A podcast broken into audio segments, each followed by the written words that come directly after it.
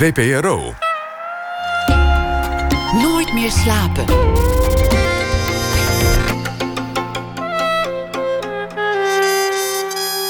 Met Pieter van der Wielen. Goedenacht en welkom bij Nooit meer slapen. Na één uur komt Thomas Verbocht langs. Hij zal een verhaal lezen over 2016. We kijken deze week terug op het jaar met prominente gasten die een bijzonder jaar achter de rug hebben. Laura Jansen, Ivo van Hoven en Kim van Koten komen nog, maar vannacht is hier Wim Pijbes. Dit jaar stapte hij op als directeur van het Rijksmuseum. Hij maakte daar een intense periode mee. De verbouwing, de heropening, Barack Obama die op bezoek kwam. Bijbes verraste vriend en vijand door over te stappen naar een klein privémuseum in Wassenaar, Voorlinden. Maar nog voordat hij daar goed en wel was aangetreden, was hij er alweer weg. Wat er nou precies is gebeurd, dat weten we niet. Daar hoop ik achter te komen. En wat hij gaat doen, dat is ook nog niet bekend. Wim Pijbes, hartelijk welkom. 2016 is uh, voorbij, een bewogen jaar in de wereld, ook in uh, je eigen leven. Hoe gaat dit jaar je geheugen in? Uh, dit jaar wat nu uh, ja, zo'n beetje ten einde loopt... dat is voor mij een overgangsjaar met een uh, prachtig uh, afrondende ehm, ja, periode in het, in het Rijksmuseum... waar ik in juli afscheid nam en toen de overstap maakte naar Museum Voorlinden. En nu... Op dit moment beschouw ik dat als een soort tussenstop, zeg maar. En nu op weg naar nieuwe avonturen. Weet je al wat die nieuwe avonturen gaan zijn? Nee, nog niet helemaal. Het is, uh, er is van alles uh, aan de hand. Ik kreeg vanaf de eerste dag dat ik uh, aankondigde dat ik weer vrij was, zou ik maar zeggen, of beschikbaar was, een enorme hoeveelheid aanbiedingen uit de hele wereld. En dat was, dat was zoveel dat ik eerst eens even dacht van, oh jongens, wat, wat gebeurt er nu? Dus ik heb dat maar eens geïnventariseerd, op een rijtje gezet. Ik heb ondertussen een paar kleine dingen gedaan. Ik heb gedoseerd in Oxford. Ik heb een klein onderzoek gedaan voor de gemeente Rotterdam. Dat was leuk om te doen. Ik gaf hier en daar nog eens een lezing. Was ook altijd leuk om te doen. Dat deed ik overigens altijd al. Maar uh, ja, gaandeweg heb ik ook eens wat, wat zaken eruit gepikt. Eén daarvan is bijvoorbeeld een, uh, een, een juryvoorzitterschap... wat ik ga doen voor een nieuw te bouwen museum in Tsjechië, in Praag. Verheug ik me erg op. Groot nieuwbouwproject. En uh, ja, men vraagt mij dan voor dit soort dingen of ik daar uh, in, in juries wil zitten om te beoordelen. En deze leek mij nou uh, erg leuk om te doen. Er is nog tijd en je bent dus eigenlijk between jobs op, op dit moment. Wel druk, maar de, de, grote nieuwe klus die, die moet zich nog, nog aandienen of moet nog gekozen worden. Een heel mooi moment voor kunstmin Nederland in 2016. Het opengaan van het museum Voorlinden in, in Wassenaar. We gaan luisteren naar dat moment. Majesteit, Koninklijke Hoogheid, meneer de commissaris, meneer de burgemeester, dames en heren. Een groot moment is inderdaad nu aangebroken en ik heb een uh, bescheiden rol in dit geheel. Ik wil graag, majesteit, u verzoeken naar voren te komen. Het is al verklapt, ik wou zeggen, 80ste lint aan uw linkerhand. U herkent het aan de breedte. Mag ik u verzoeken naar voren te komen? Een feestelijk moment.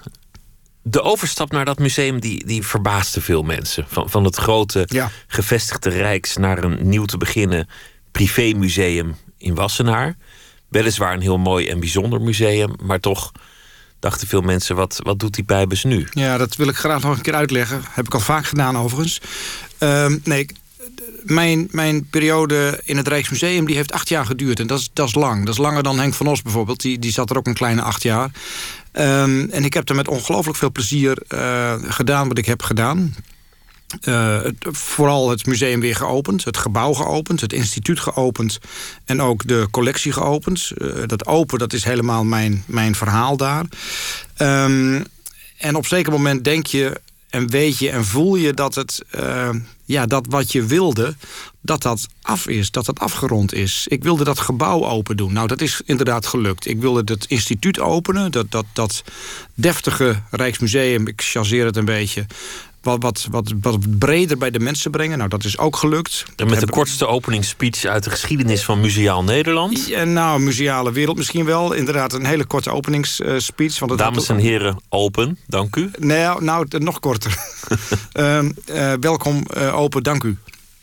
dat was eigenlijk voldoende. Want daar gaan al die speeches namelijk open. Je heet mensen welkom. Uh, je dankt uh, een eindeloze partij mensen. En, uh, ja, en je zegt wat er aan de hand is, namelijk open. Dus die drie elementen die zaten in die speech... die heb ik maar op drie woorden teruggebracht. In, in sms-stel. Ja. Dat, dat, was eigenlijk, eigenlijk bijna tegendraads. Om, om het zo kort te doen. Ja, maar ik ben ook wel een beetje tegendraads. Dat, dat vind ik ook leuk. En, en dat is ook nodig als je dingen wil veranderen.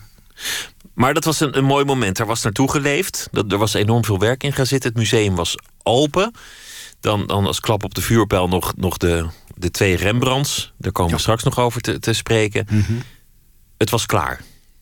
Voor mij was het klaar. Kijk, het Rijksmuseum is natuurlijk nooit klaar. Een museum is, is per definitie nooit klaar, zou je kunnen zeggen. Maar ik had daar acht jaar uh, op zitten. En uh, ik heb werkelijk gedaan wat ik wilde doen. En dat ook tot mijn eigen grote tevredenheid moet ik zeggen... niet dat ik zelf voldaan ben, helemaal niet... maar tot mijn grote tevredenheid heb ik vastgesteld dat, dat het gelukt was. En dan vind ik acht jaar een hele mooie periode. Dat zijn twee, laat ik zeggen, volle kabinetsperiodes. Het is ook langer dan de gemiddelde CEO bij een groot bedrijf het volhoudt. Uh, en dan is het, denk ik, na acht jaar met alle ja, laat ik dan toch zeggen, successen die daar zijn uh, geweest. Met inderdaad als klapstuk die twee Rembrandts dat, uh, ja, dat het goed is voor mij als persoon, maar net zo goed goed is voor het instituut. Dat er plaats gemaakt wordt voor nieuw elan en voor een nieuwe, ja, voor een nieuwe uh, hoofddirecteur. Die dan, uh, ja, die dan weer op zijn of haar manier de kar voortrekt. En, ja, dat begrijp ik. En, en, dat wilde ik dus. Maar dan is de volgende vraag: waarom naar Voorlinden? De verwachting was, die gaat dan naar, naar iets groots, prestigieus. Die, die komt, uh, die komt terecht bij Tate Modern of, of, of, weet ik veel waar. Nee, dat is nou heel leuk dat je dat zegt. Acht jaar heb ik in het Rijksmuseum gewerkt. En het Rijksmuseum, en dat vergeten veel mensen in Nederland wel eens... dat is een groots, prestigieus internationaal museum. Dus aan al die mensen, en ik zeg het ook u...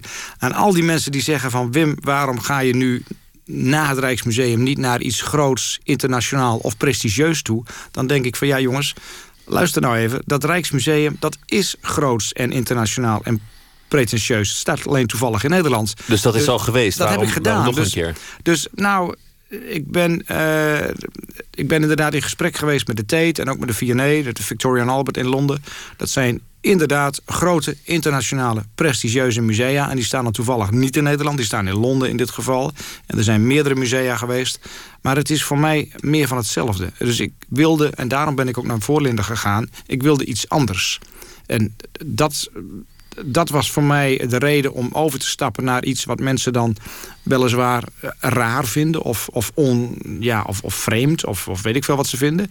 Maar ehm, de stap van een heel groot internationaal museum, dat is dus het Rijksmuseum, naar een ander heel groot internationaal museum, ja, dat is voor mij niet interessant. Dat zou een saaie stap zijn. Ja. Het, het Museum Voorlinden is een privémuseum. Ja. Joop van Kaldenborg heeft zijn hele leven gespaard van, van, zijn, uh, van zijn geld dat hij gelukkig heeft.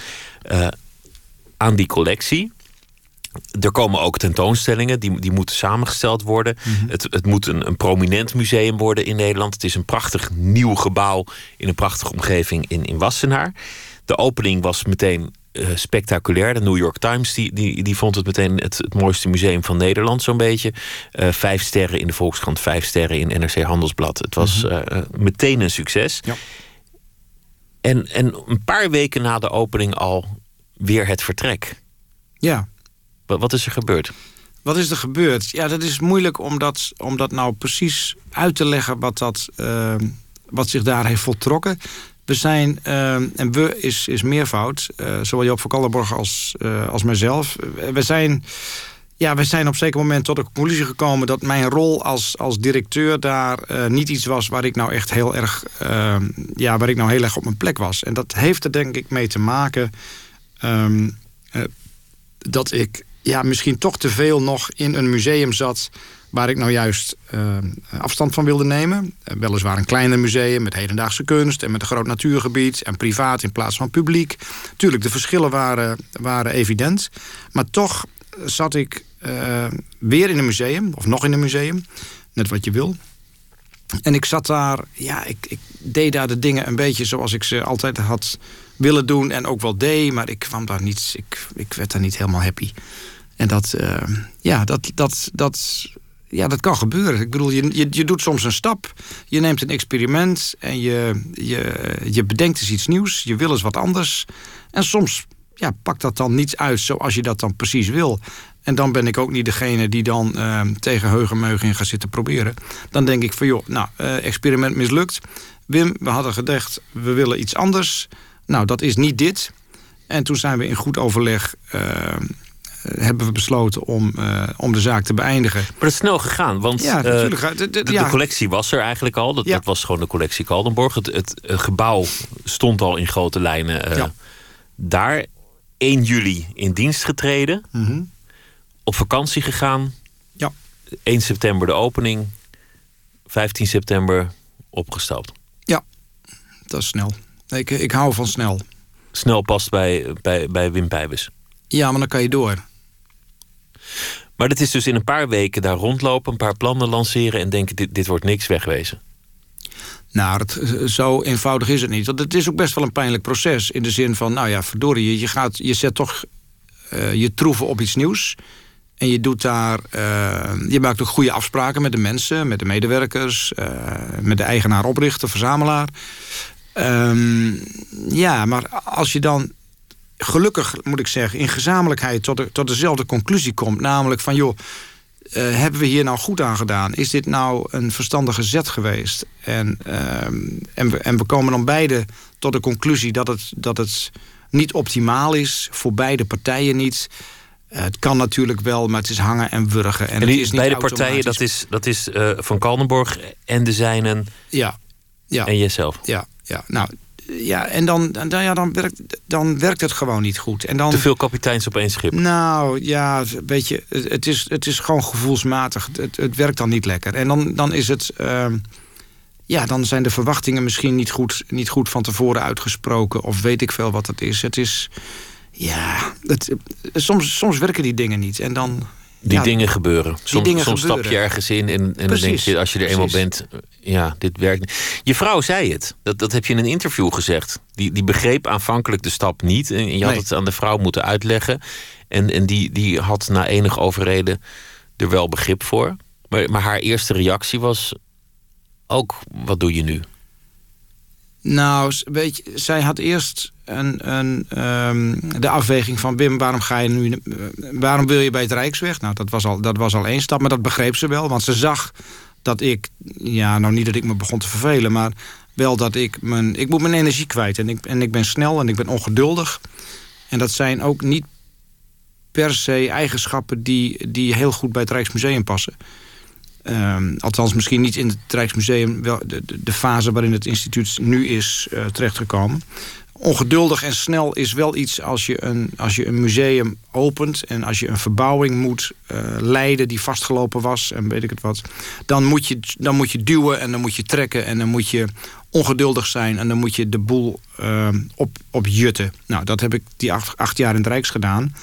Uh, maar als zo'n zo'n schip eenmaal op koers ligt en. en ja, dan moet je de boel... Ja, don't rock the boat, om maar met het, met het schip te blijven. Dan, dan, dan moet je op de winkel passen. Nou, op de winkel passen, dat klinkt ook zo uh, bedaagd. Maar dan, dat, dat vergt een andere energie en een andere, een andere energie dan ik heb. En, en ja, ik, ik moet mijn energie kwijt. Ik moet, ik, moet, ik moet vooruit. En ik wil dingen neerzetten en dingen opbouwen... en dingen voor elkaar krijgen...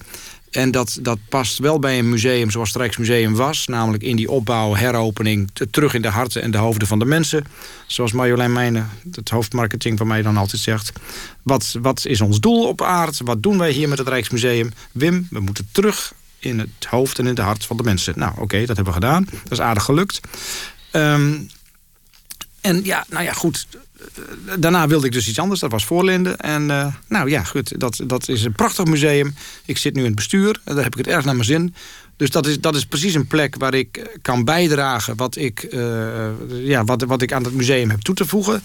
Een bepaalde kennis of een bepaalde expertise... of ook eens een wat gekke gedachten. Ik hou de directie scherp en, en dat soort dingen. Nou ja, dat is in een, in een, in een bestuursrol is dat, is dat prima maar niet uh, op, op een daily base uh, operatie. Als, als directeur. Als nou directeur. Ja. Het is gebeurd en uh, vooruit, ja, voorwaarts. Zeker.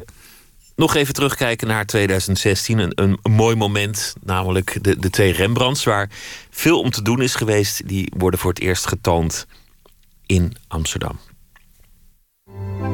Ja, het is een heel emotioneel moment. Ze zijn ongelooflijk mooi. En toch, ja, elke keer ben je weer zenuwachtig als je een schilderij ophangt. Past het daar echt? Uh, hoort het daar? En ja, het is welkom thuis. Ze horen hier. Vorig jaar was het helemaal nog niet zeker dat Martin en Oopje naar Amsterdam zouden komen. Het resultaat van een politiek steekspel is dat de huwelijksportretten van Rembrandt gezamenlijk bezit zijn van Frankrijk en Nederland. De schilderijen waren daardoor eerst te zien in het Louvre in Parijs... voordat het Rijksmuseum aan de beurt was. Ja, eindeloos getouwtrek tussen eh, de Franse politiek en de Nederlandse politiek... om het geld bij elkaar te krijgen, de exportvergunning rond te krijgen... en uiteindelijk het compromis. Ze, ze, ze gaan reizen, die, die, eh, die twee doeken. Het plan was natuurlijk dat ze, dat ze echt naar Amsterdam zouden komen aanvankelijk. Waar is het misgegaan? Um, of is nou dat een te zure vraag? Ja, nee, nee de vraag is, is niet zo zuur. Um, kijk, er waren, er waren een aantal opties. En, uh, en één daarvan is dat die schilderijen... Nou, die schilderijen stonden te koop. Dus die moesten verkocht worden. Dat is, dat is een feit. Daar kan je van vinden wat je wil. En ze waren in Frankrijk. Dat is ook wat, wat feitelijk uh, de toestand was.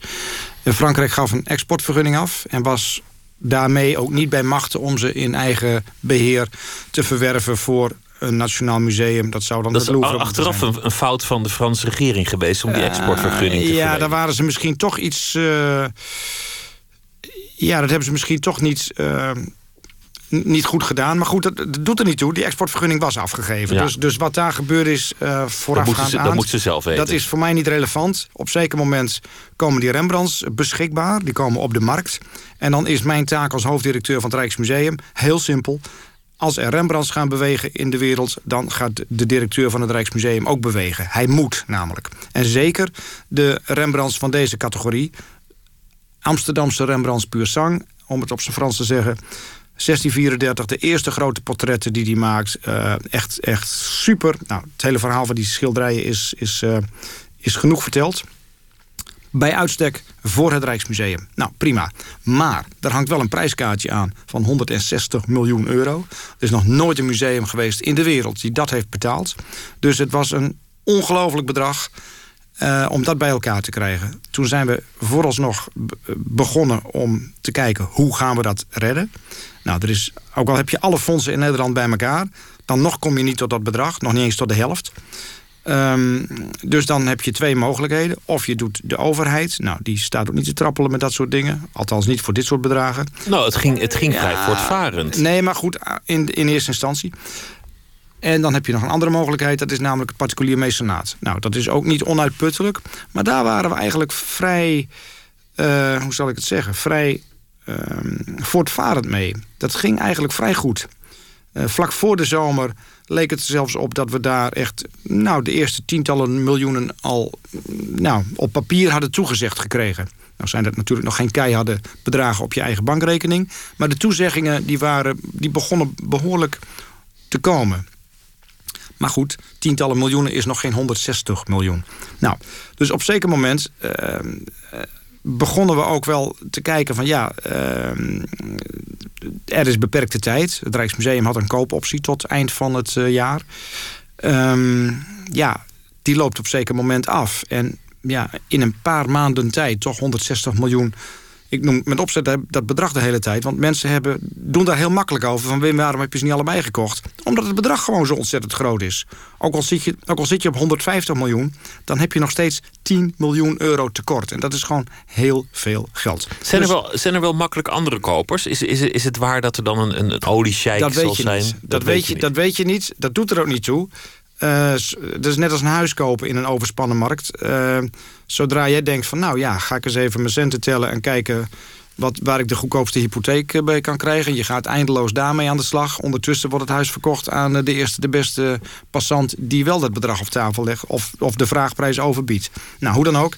Um, wij waren dus bezig in Nederland met die 160 miljoen. Gaandeweg had ik zoiets van, ja, weet je wat... laten we nou toch kijken of er een tweede optie mogelijk is. Namelijk een gemeenschappelijk uh, bezit met een ander particulier museum in, uh, in Europa. Bij voorkeur het Louvre. Omdat ja, daarmee in ieder geval het, het te verzamelen bedrag tot een deel beperkt zou worden. Nou, dan, dan 80 miljoen is makkelijker dan 160 miljoen. Nou, het Louvre had zoiets van, nou, dat, dat gaat ons niet lukken. Um, maar goed, ze vonden het een sympathiek gebaar. Het ging alleen niet lukken. Nou, op zeker moment heeft het Louvre... want het Louvre is echt staat, is echt ministerie... heeft dat ook gemeld bij het Franse ministerie. Nou, oké, daar, daar gebeurde een hele tijd niks. En op zeker moment hield ik, hield ik mijn, mijn collega in het Louvre... wel enigszins op de hoogte van onze vorderingen. En nou, dat ging eigenlijk allemaal tamelijk goed.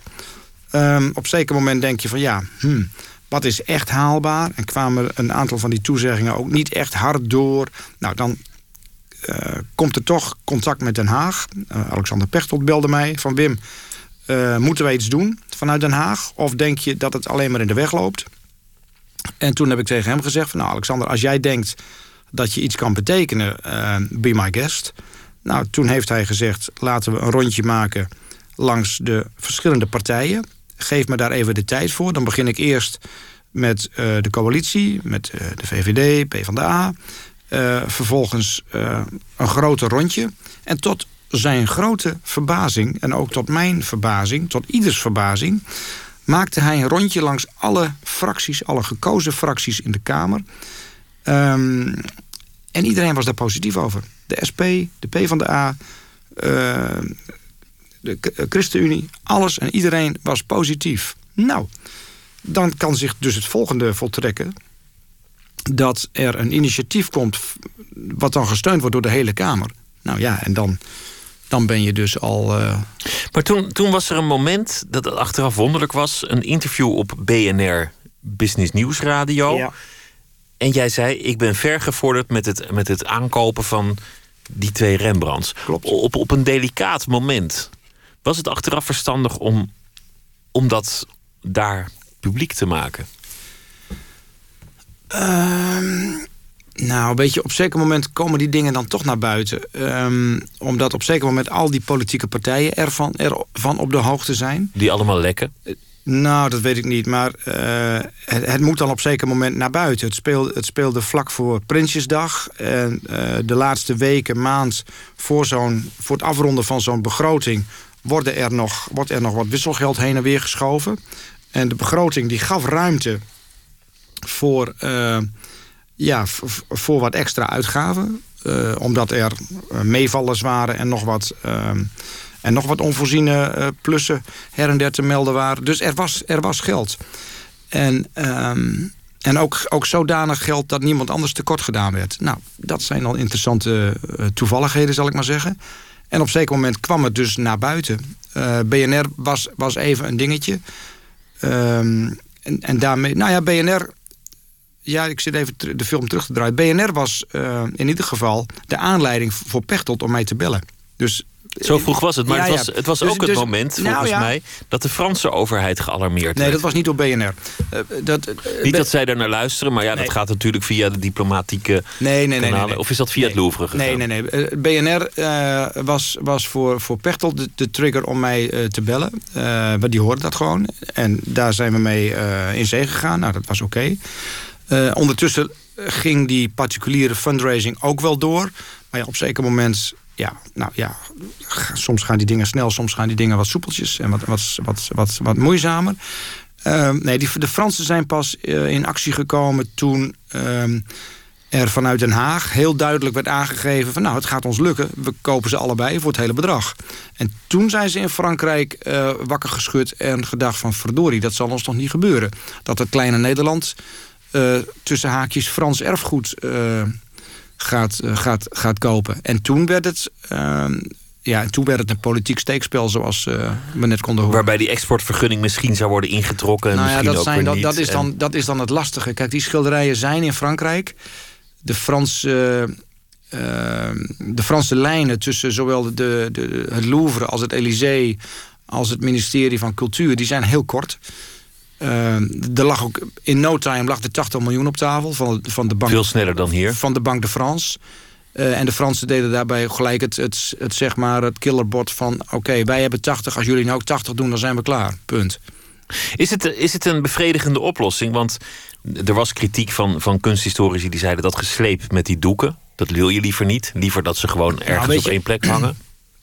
Die, uh, die schilderijen eh, die hangen, die hingen in een slaapkamer waar veel gerookt werd. Dus ik weet ook niet. In, het is altijd beter. In, een, in een particulier huis uh, waarvan, je denkt, waarvan je kan afvragen of daar de brand uh, en de klimatologische omstandigheden beter zijn dan in een museum. Dus die, uh, die om de zoveel jaren in geconditioneerde transporten tussen Parijs en Amsterdam, wat ook niet de allergrootste afstand is. Uh, dat, lijkt me, dat lijkt me geen enkel bezwaar. Het zijn goede, goed geconditioneerde schilderijen. Dus dat, dat, dat is allemaal prima te doen. Het publiek kan het zien, dat was niet het geval. Het, de grote winst, want uh, dat, dat heeft mij wel verbaasd in de Nederlandse pers. Uh, de, de, de, die, die ging heel makkelijk om met dat enorme bedrag. Die 160 miljoen, alsof we dat zomaar even op de plank hadden. Dat is echt, een, dat is echt de allerduurste museale aankoop ter wereld ooit geweest. Laten we dat vooral niet vergeten. Zelfs duurder dan Victory, Boogie, Woogie ja. en die andere oh ja, records. vele malen, drie keer zoveel. Um, dat is één ding. Tweede ding, die schilderijen komen nu in publiek domein. En dat is, dat is de grote winst voor iedereen. Eén ene moment van het jaar, of tenminste om de, om de vijf of acht jaar gaan ze straks wisselen... hangen ze in het Louvre, te midden van nou, allerlei uh, internationale tijdgenoten van Rembrandt. Fantastisch, drugsbezochte museum ter wereld. Rembrandt is de beste ambassadeur zowel van Nederland als van het Rijksmuseum. Dus hij is sowieso op een, op een A-locatie te zien. En die andere, uh, die andere speelbeurt die is in Amsterdam... in de eregalerij, op de eregalerij van het Rijksmuseum... waar Rembrandt te midden van ander werk van uh, Gouden Eeuwers te zien is. Ja, en dat is, dat is denk ik fantastisch. Dus dat is iedere, het... iedere keer opnieuw heb je die sensatie van, van, van, van, die, ja, van frisheid. En dat is goed. Wat heeft het betekend voor, jou, voor jouw directeurschap? Twee Rembrandts? Ja, dit, dit hele project, dit hele avontuur. Poeh. Uh, jongens, nou ja. Nou, dat, dat, nou, dat de, de commentaren waren zo uiteenlopend. Sommige mensen zeiden: dit, dit was het moment dat hij, dat hij zijn hand had overspeeld nee, bij, bij het Rijksmuseum. Anderen zeiden: dit is de kroon op zijn directeurschap. In de, de, opvallend genoeg zijn de buitenlandse collega-directeuren. Die, waren, die vonden het allemaal een, een uh, coup majeur, zou ik maar zeggen. Echt fantastisch. Eén, dat we die Rembrandts uh, in het publieke bezit hebben gekregen. Twee, het, het kolossale bedrag wat ermee gemoeid was. En drie, dat twee nationale musea, dat is echt een unicum in de wereld... het Louvre en het Rijksmuseum, in gemeenschappelijkheid... Uh, ja, laat ik zeggen, Europees of, of werelderfgoed uh, beheren. Ja, dat is echt een novum waar waar alle museumdirecteuren, de Amerikaanse, de Engelse, de Duitse collega's... echt likkebarend naar stonden te kijken. Vergis je niet, in, in Duitsland, uh, daar hebben de musea aankoopbudgetten... nou, dat, is, dat stelt echt helemaal niks voor. In Engeland hebben ze grote problemen om het erfgoed wat daar is te behouden. En hier in Nederland slagen we er toch iedere keer telkens opnieuw in... om, om met particulieren, met fondsen, de Vereniging Rembrandt, noem maar op... om toch uh, gelukkig noodzakelijk, uh, zoals het is, erfgoed te, behouden voor het land of zelfs terug te halen. Zo is nou het geval van deze, deze beide Rembrandts. Dus ik heb ook gekscherend tegen mijn collega van het Louvre gezegd: ja, we hebben nu allebei twee Rembrandts verworven, alleen nooit op hetzelfde moment in hetzelfde museum. De muziek van 2016, een van de platen die, uh, waar naar uit werd gekeken en die ook de moeite waard was, was van Frank Ocean. En dit nummer heet Pink and White.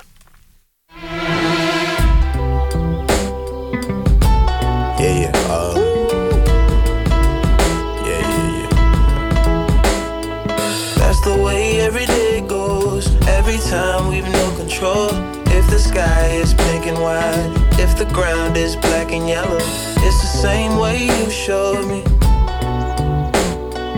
Nod my head, don't close my eyes. Halfway on a slow move, it's the same way you showed me fly, then you'd feel south. Up north's getting cold soon. The way it is, we're on land. So I'm someone to hold true.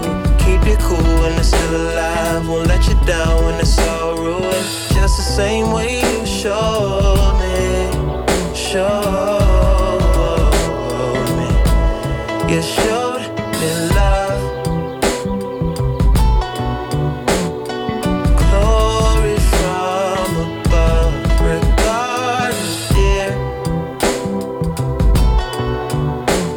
It's all downhill from here. In the wake of a hurricane, dark skin of a summer shade, nose dive in the floodlines, tall tower, milk crate. It's the same way you showed me. Cannonball off the porch side, older kids trying off the roof.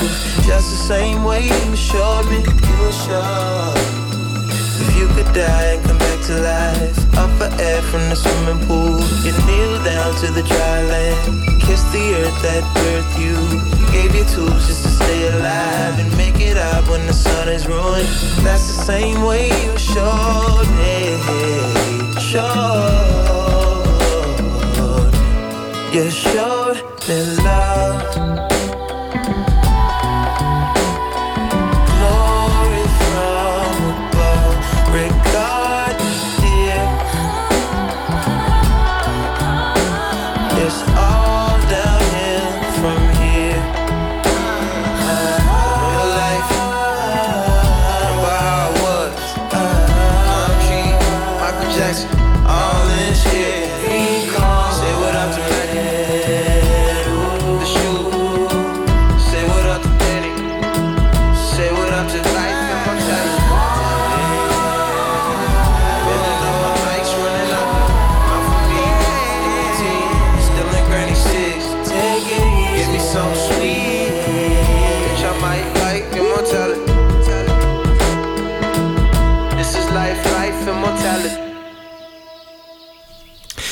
And White van Frank Ocean. Nooit meer slapen in gesprek met Wim Pijbes. We blikken terug op 2016 en op andere dingen.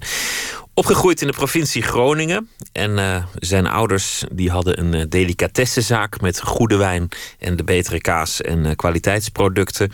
En de jonge Pijbes was ook vaak te, winnen, te vinden in die, in die zaak. Een zeker gevoel voor kwaliteit zou hij daaraan over hebben gehouden. Is dat iets wat je, wat je herkent? Ja, spreekt me zeer aan. Mijn vader zei dan altijd... Wim, als je nou iets koopt, eh, koop dan, eh, geef dan net even iets meer uit.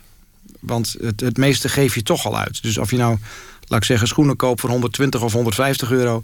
en je vindt die van 150 net een stukje mooier, doe dat, doe dat dan. Want die 30 euro verschil, ja, die 120 leg je toch al weg. Dus die 30 erbij, dat maakt niet uit. En, dat, dat, eh, en zodra je ze gekocht hebt, een week later weet je het niet meer. Dus dat, doe dat nou gewoon. En dat, dat, dat is, ik betrap me daar soms wel op... ehm, dat je dan toch voor dat goedkopere gaat. Want dat is dan net even goedkoper. Eh, maar voor duurzame spullen die je koopt... dingen die je echt graag wil hebben... joh, die paar tientjes, dat, dat, eh, als je het kan veroorloven tenminste... dan ja, doe dat gewoon. Maar betere wijn verkopen in het zuinige Groningen. Dat, Ja, dat, dat lijkt me nog dat- soms best ingewikkeld. Nou, ik weet niet of Groningen veel, veel zuiniger is dan, dan de rest, Dan de rest van Nederland. Nederland, ja. Dat is ook weer relatief natuurlijk. Ik zie ook meteen een verband tussen de, tussen de Rembrandts. Koop dan meteen maar gewoon de beste, ook al Ja. zijn ze iets duurder. Ja. Vanuit eh, ehm, het, het dorp waar je, waar je opgroeide als, als zoon van de delicatessenwinkel... ging je aanvankelijk Nederlands studeren, maar dat was geen succes. En Dat toen was, kwam je... eh, ja, dat, nou ja, goed. Kijk, bij het voorlinden was ik snel weg. Maar bij het Nederlands was ik eigenlijk ook wel vrij snel weg. Of tenminste, ik heb het één jaar volgehouden. Eh, dat was prima. En in die tijd, halverwege jaren tachtig, was het nog zo dat alle, alle tentamenuitslagen die hingen dan, die werden gewoon op het prikbord gehangen. Met naam en alles erbij. Volgens mij is dat tegenwoordig al lang niet meer zo. Dat was allemaal privacy en weet ik het wat. Dus dan kwam ik, kwam terug van vakantie en ik had net daarvoor had ik een hele partij hertentamens gedaan. En die hertentamens uitslagen die dus op dat prikbord hingen... die waren dusdanig desastreus dat ik dacht van... nou ja, dat, eh, dat gaat hem niet worden. Dus ik kan nog een keer het tweede jaar... of het- het eerste jaar overdoen. En, maar eigenlijk is dit ook niet precies wat ik wil. Eh, ja, ik heb het wel gewild, maar het pakte anders uit. Het lijkt net een museum wat dat betreft. Ehm, dus ik heb toen van stel op sprong besloten... ik ga wat anders doen. En ik ben toen op mijn fiets gestapt en ik ben de stad ingefietst. eh, vanaf het college, vanaf het eh letterengebouw... en het eerste instituut aan je linkerhand... wat je dan binnenkomt in Groningen op de oude Kijkertjatstraat... is het Instituut voor Kunstgeschiedenis. Dus ik ben daar naar binnen gelopen en ik heb gezegd van... kan ik me hier nog inschrijven? Nou, dat kon. Dus toen heb ik mij ter plekke laten inschrijven en zo is het gekomen. Een goede keuze is eh, later gebleken. Een, een jeugdvriend van jou is eh, Bert Fischer, de cabaretier. Daar heb je ook veel, veel mee samengewerkt. Want de eerste liefde, cultureel gezien, eh, als beroep, was het theater. Ja, cabaret zelfs. Ja. Cabaret. En je, jij was nou, een schooltoneel, ja. ja. schooltoneel. Jij, Ja. jij, jij wierp jezelf op als manager, niet op de planken, Nee, maar achter de schermen. graag. Maar wel al, al heel jong met een goed gevoel voor hoe je een gezelschap neerzet en zorgt dat er ook geld verdiend wordt. Ja, ik was 14 toen ik mijn eerste garantiesubsidie uh, aanvroeg en kreeg. En ook niet nodig had overigens. Want de plaatselijke schouwburg was uitverkocht. En uh, ja, ik heb dat altijd leuk gevonden. Een affiche maken, zorgen dat je in de krant komt... en dan niet op pagina 5, maar op de voorpagina. Dat was in die tijd nog, het, ik was 14, dat was het de, de plaatselijke huis- en huiskrant. Maar, maar toch, uh, ja, gewoon goed fotomateriaal. Uh, het, is allemaal zo simpel eigenlijk. Goed fotomateriaal, een, een catchy teksten. Je moet iets te melden hebben. Urgentie. Uh, nou ja, dat soort dingen. En dat, zat ik, dat, dat hadden we gelijk goed te pakken. De best show in town, zou James Brown zeggen. Absoluut. Zoals hij dat uh, deed.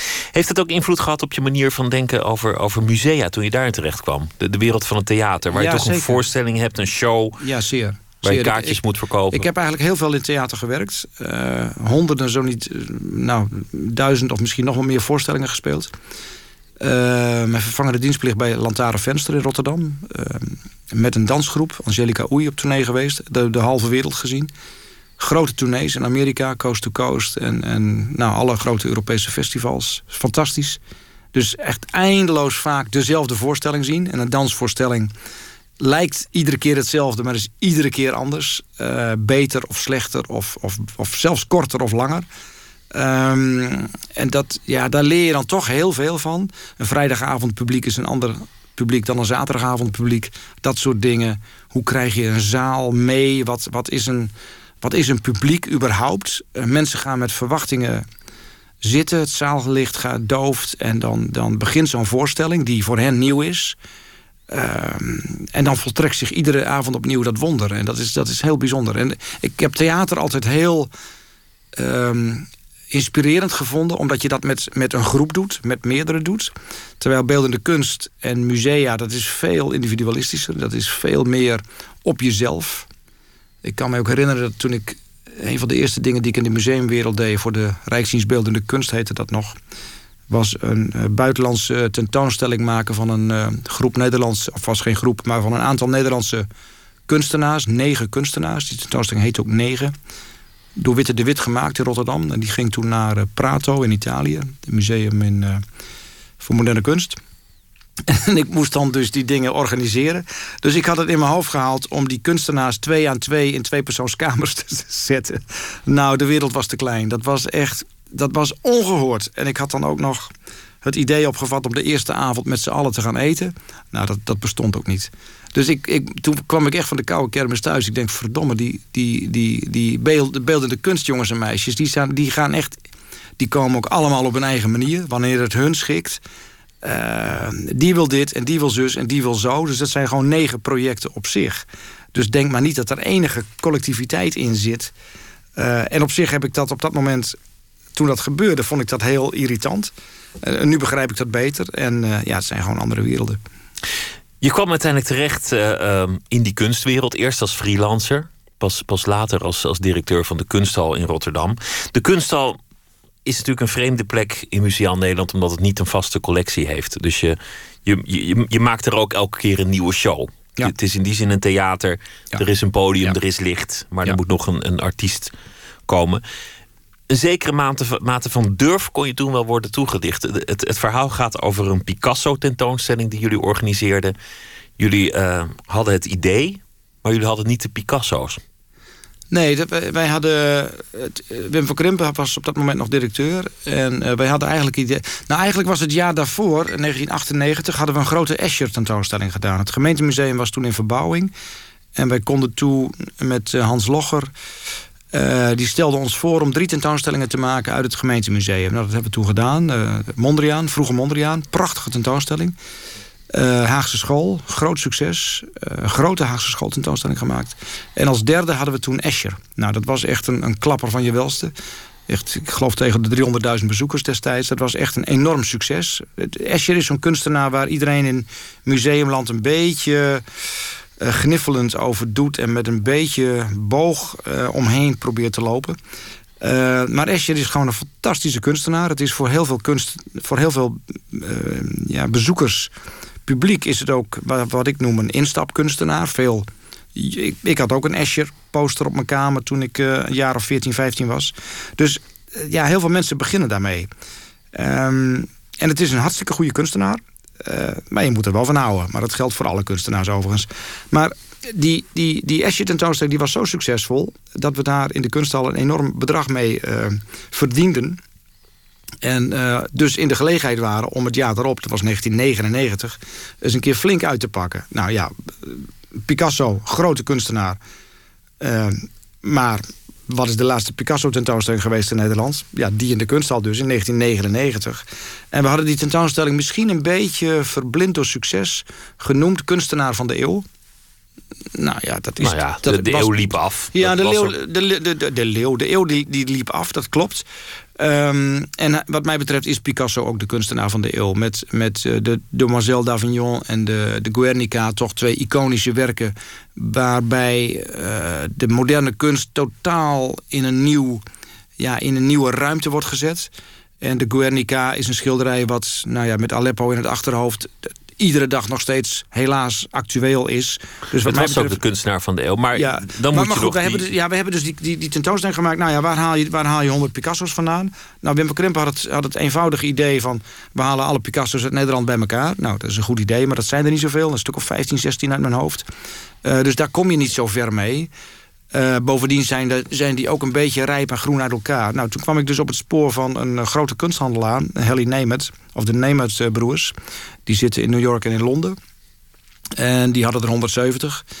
En daar hebben we toen een keuze uit gemaakt. En, dat, en uiteindelijk hebben we daar een, nou ik doe het even uit mijn hoofd, dat is lang geleden, een negentigtal Picasso's eh, geleend. En die waren eigenlijk prima. Dus dat gaf eigenlijk een hele goede, een hele goede, eh, heel goed overzicht van, van die enorme output die Picasso. Eh, ja, van, van, van, laat ik zeggen, van 1900 tot 1973. Ik bedoel, dat is, dat is ook, die man heeft ook gewerkt. Lang en veel en goed. Eh, dat is, het gaf een fantastische inkijk in, de, in het brein van Picasso. Zowel sculptuur als keramiek, als grafiek, als tekeningen, als schilderijen uiteraard. Ehm, maar die tentoonstelling die werd, eh, ja, die werd door, de grond, door, door, de Volkskrant de grond inge, ingeschreven. Eh, op wat mij betreft onterechte gronden, eh, gronden. Het zouden vijfde rangs Picasso's zijn en derde rangs Picasso's. Nou, volgens mij zijn er helemaal geen derde rangs Picasso's. Laat staan vijfde rangs. Maar goed... ehm, Maar jullie hadden het, het zo opgezet, en, en dat was dat waar, waar, waar, waar de bluff een beetje in zat, ja, dat jullie 100.000 bezoekers moesten trekken om het rendabel te krijgen. ja, en we hebben er 125.000 gehaald. Dus Maar dat is een flinke gok geweest. Dat, dat, dat getuigt echt van lef. Ja, maar goed. Durf. Ja, maar Kijnke own risico, zegt eh, Van Krimpen dan. Dus dat, en dat ben ik geheel met hem eens. Dus je moet inderdaad... Maar goed, als je Picasso tentoonstelling maakt... moet je ook 100.000 bezoekers trekken. Anders, eh, Picasso is, is... Is minder niet waard. Nee, dat denk ik niet. En dit, dit was een hele goede tentoonstelling. Natuurlijk waren niet al die Picasso's top, top, top kwaliteit. Maar meer dan de helft kan zo rechtstreeks het museum in. Ook de grote musea. Ik, grappig genoeg heb ik veel van die Picasso's... die we toen hebben laten zien... die eh, ben ik latere jaren vaak tegengekomen in andere tentoonstellingen... ook in vaste collecties van musea in de wereld. Dus eh, zo derde rangs en vijfde rangs was het ook weer niet. De stap naar het Rijksmuseum verbaasde veel mensen. Toen werd gezegd: Pietje Bel eh, mag het Rijks gaan, eh, gaan Ja. beheren. De, de, de verbouwing kwam eraan. Daar heb je wel. Nou, de verbouwing was half... Die, die, die was, Die was al begonnen, was al ja. begonnen, ja. Maar daar kon je wel laten zien wat je waard was. Want, want op het eind eh, zat je persoonlijk met alle aannemers, schilders. Iedereen die erbij kwam kijken, stucadoors aan de telefoon. Te kijken naar welke tegels. Ruzie te maken met de Fietsersbond. Nou ja, er is een prachtige film over gemaakt. Die, eh, die iedereen, wat mij betreft, moet zien. De vraag die dat oproept is eigenlijk die, die, die museale wereld. Jij zei in het begin. Ja, die, dat, dat zit nog een beetje vast. De, de theatrale wereld is in die zin wat, wat bewegelijker, wat, wat, wat leuker. Ehm, nou, voor mij is die, thea- is die theaterwereld die is, die is leuker in de zin van je doet het met z'n allen, dat is één ding. En je hebt direct respons van je publiek. Wat overigens niet altijd eh, positief hoeft te zijn. Maar je, maar je hebt een direct, je hebt veel meer contact met je publiek. En dat uit zich in, in applaus bijvoorbeeld, of in boegeroep, of, of wat dan ook. Maar je, je, je, je ademt mee met het publiek. Dat is, dat is, dat is collectiever. En ehm, het museumbezoek, eh, het museumbedrijf is veel individueler. Je, jij gaat niet met 60 man of laat staan met 500 man tegelijk naar een museum. Maar die dingen zijn wel aan het veranderen. Ik heb daar onlangs net een lezing over gehouden overigens. Dat, die, dat, is, dat is shifting. Die, die, die museumwereld die, neemt, die, die theatraliseert, zou je kunnen zeggen. En dat uit zich ook in, in museumarchitectuur. Daar, heb ik, daar deed ik die lezing dus over. En dat zie je dus in, in, in het grote atrium van het Rijksmuseum bijvoorbeeld. Of je ziet het ook in die Turbine Hall van, het, uh, van de Tate Modern. Dat, uh, dat begin 21e eeuw zie je dat er allerlei theaterelementen in dat museum sluipen. Dat je dus met z'n allen wel een soort collectieve beleving hebt naar, door naar iets te kijken en, en door naar iets te gaan. En door dat ook te delen als een soort community. Het woord show rukt ook op in, de, in de museale wereld. Uh, vooral in, in Amerikaanse kranten heet een expositie gewoon een show. Ja, dat woord gebruik ik dus ook wel eens en dan word ik wel eens op de vingers getikt. Maar uh, dat klopt. Ook als je kijkt naar openingen bijvoorbeeld, opening events van, uh, ja, van hippe tentoonstellingen, van mode tentoonstellingen. Dat zijn bijna al hot tickets en hard to get. Als jij naar een, een hippe tentoonstelling wil... dan is dat niet meer zo dat je een consumptiebonnetje krijgt... en nog wat nootjes. Nee, dat zijn uh, champagne-events van heb ik jou daar... met previews en met, met een guestlist en weet ik veel wat allemaal. Dus dat, dat hele... Uh, glamour-element of, of theater-element, dat rode loper-element, uh, dat live-element, van met z'n allen iets beleven, exclusiviteit of, of nou, wat dan ook, dat, dat, ja, wat je in de podiumkunsten ziet, of in de, in de entertainment business, dat zie je ook in het museum eh, gebeuren. Mensen kleden zich mooi aan, gaan ergens heen, doen daar moeite voor. En de strijd om, om het publiek wordt, wordt harder. En er zijn minder winnaars. Je hebt, je hebt een paar, paar shows die, die miljoenen bezoekers trekken. Uh, dat, dit speelt vooral in, in New York, Londen en Parijs. Mhm. Waar ze echt van die mega tentoonstellingen dan in, in Grand Palais of zo hebben. En dat betekent dat het museum dat gewoon zijn vaste collectie heeft hangen... Het, ja, wat, wat minder meedingt naar, naar uh, de nou, bezoeker. Dat, dat, hangt, ja, dat, dat, zou kunnen. Maar bezoek is niet de enige maatstaf voor, een, voor, een, voor het succes van een museum. Dus er zijn musea, waar ik overigens ook heel graag kom... die, die veel meer... Uh, die het moeten hebben van hun collectie. Uh, de Frick... Uh, maar ook het Van Gogh Museum, wat een typisch collectiemuseum is. Uh, en waar, waar dus jaarlijks uit de hele wereld honderdduizenden, uh, miljoenen mensen op afkomen. Dus er zijn wel degelijk uh, musea die hun collectie als, als grootste asset hebben, als grootste bezit hebben. En dat ook heel goed kunnen, kunnen nou, uitventen, zou ik haast willen zeggen.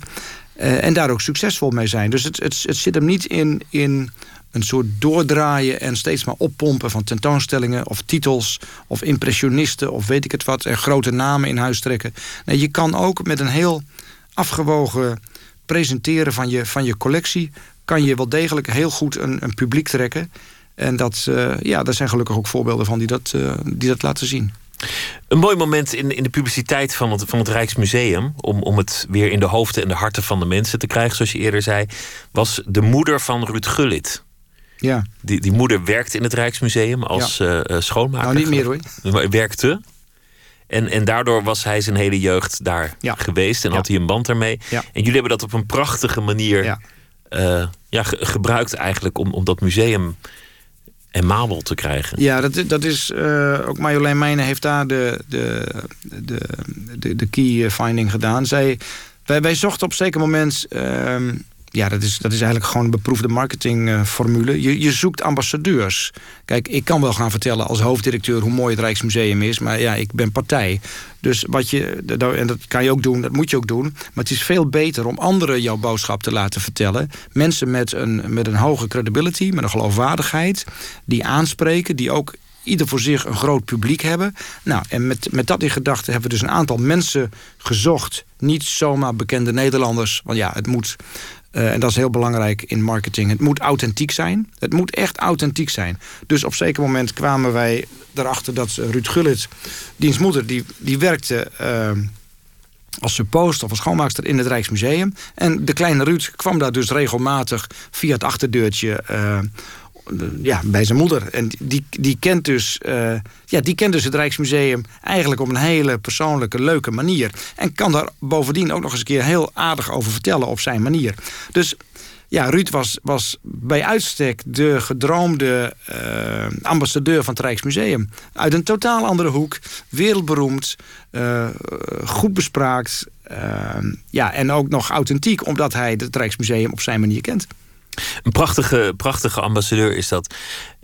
Ja, mooi om, om te zien eigenlijk dat twee dingen uit je, uit je jonge jaren terugkomen. Dat, dat gevoel voor theater en, en, en dat gevoel van, van de, de, de luxe delicatessenzaak die, uh, die gevoel voor kwaliteit ook mhm, met, mhm. met een gezond commercieel inzicht weet te combineren. Ben je uiteindelijk niet veel meer een freelancer dan, dan, dan, een, dan een directeur van een instituut in, in loondienst vast verbonden?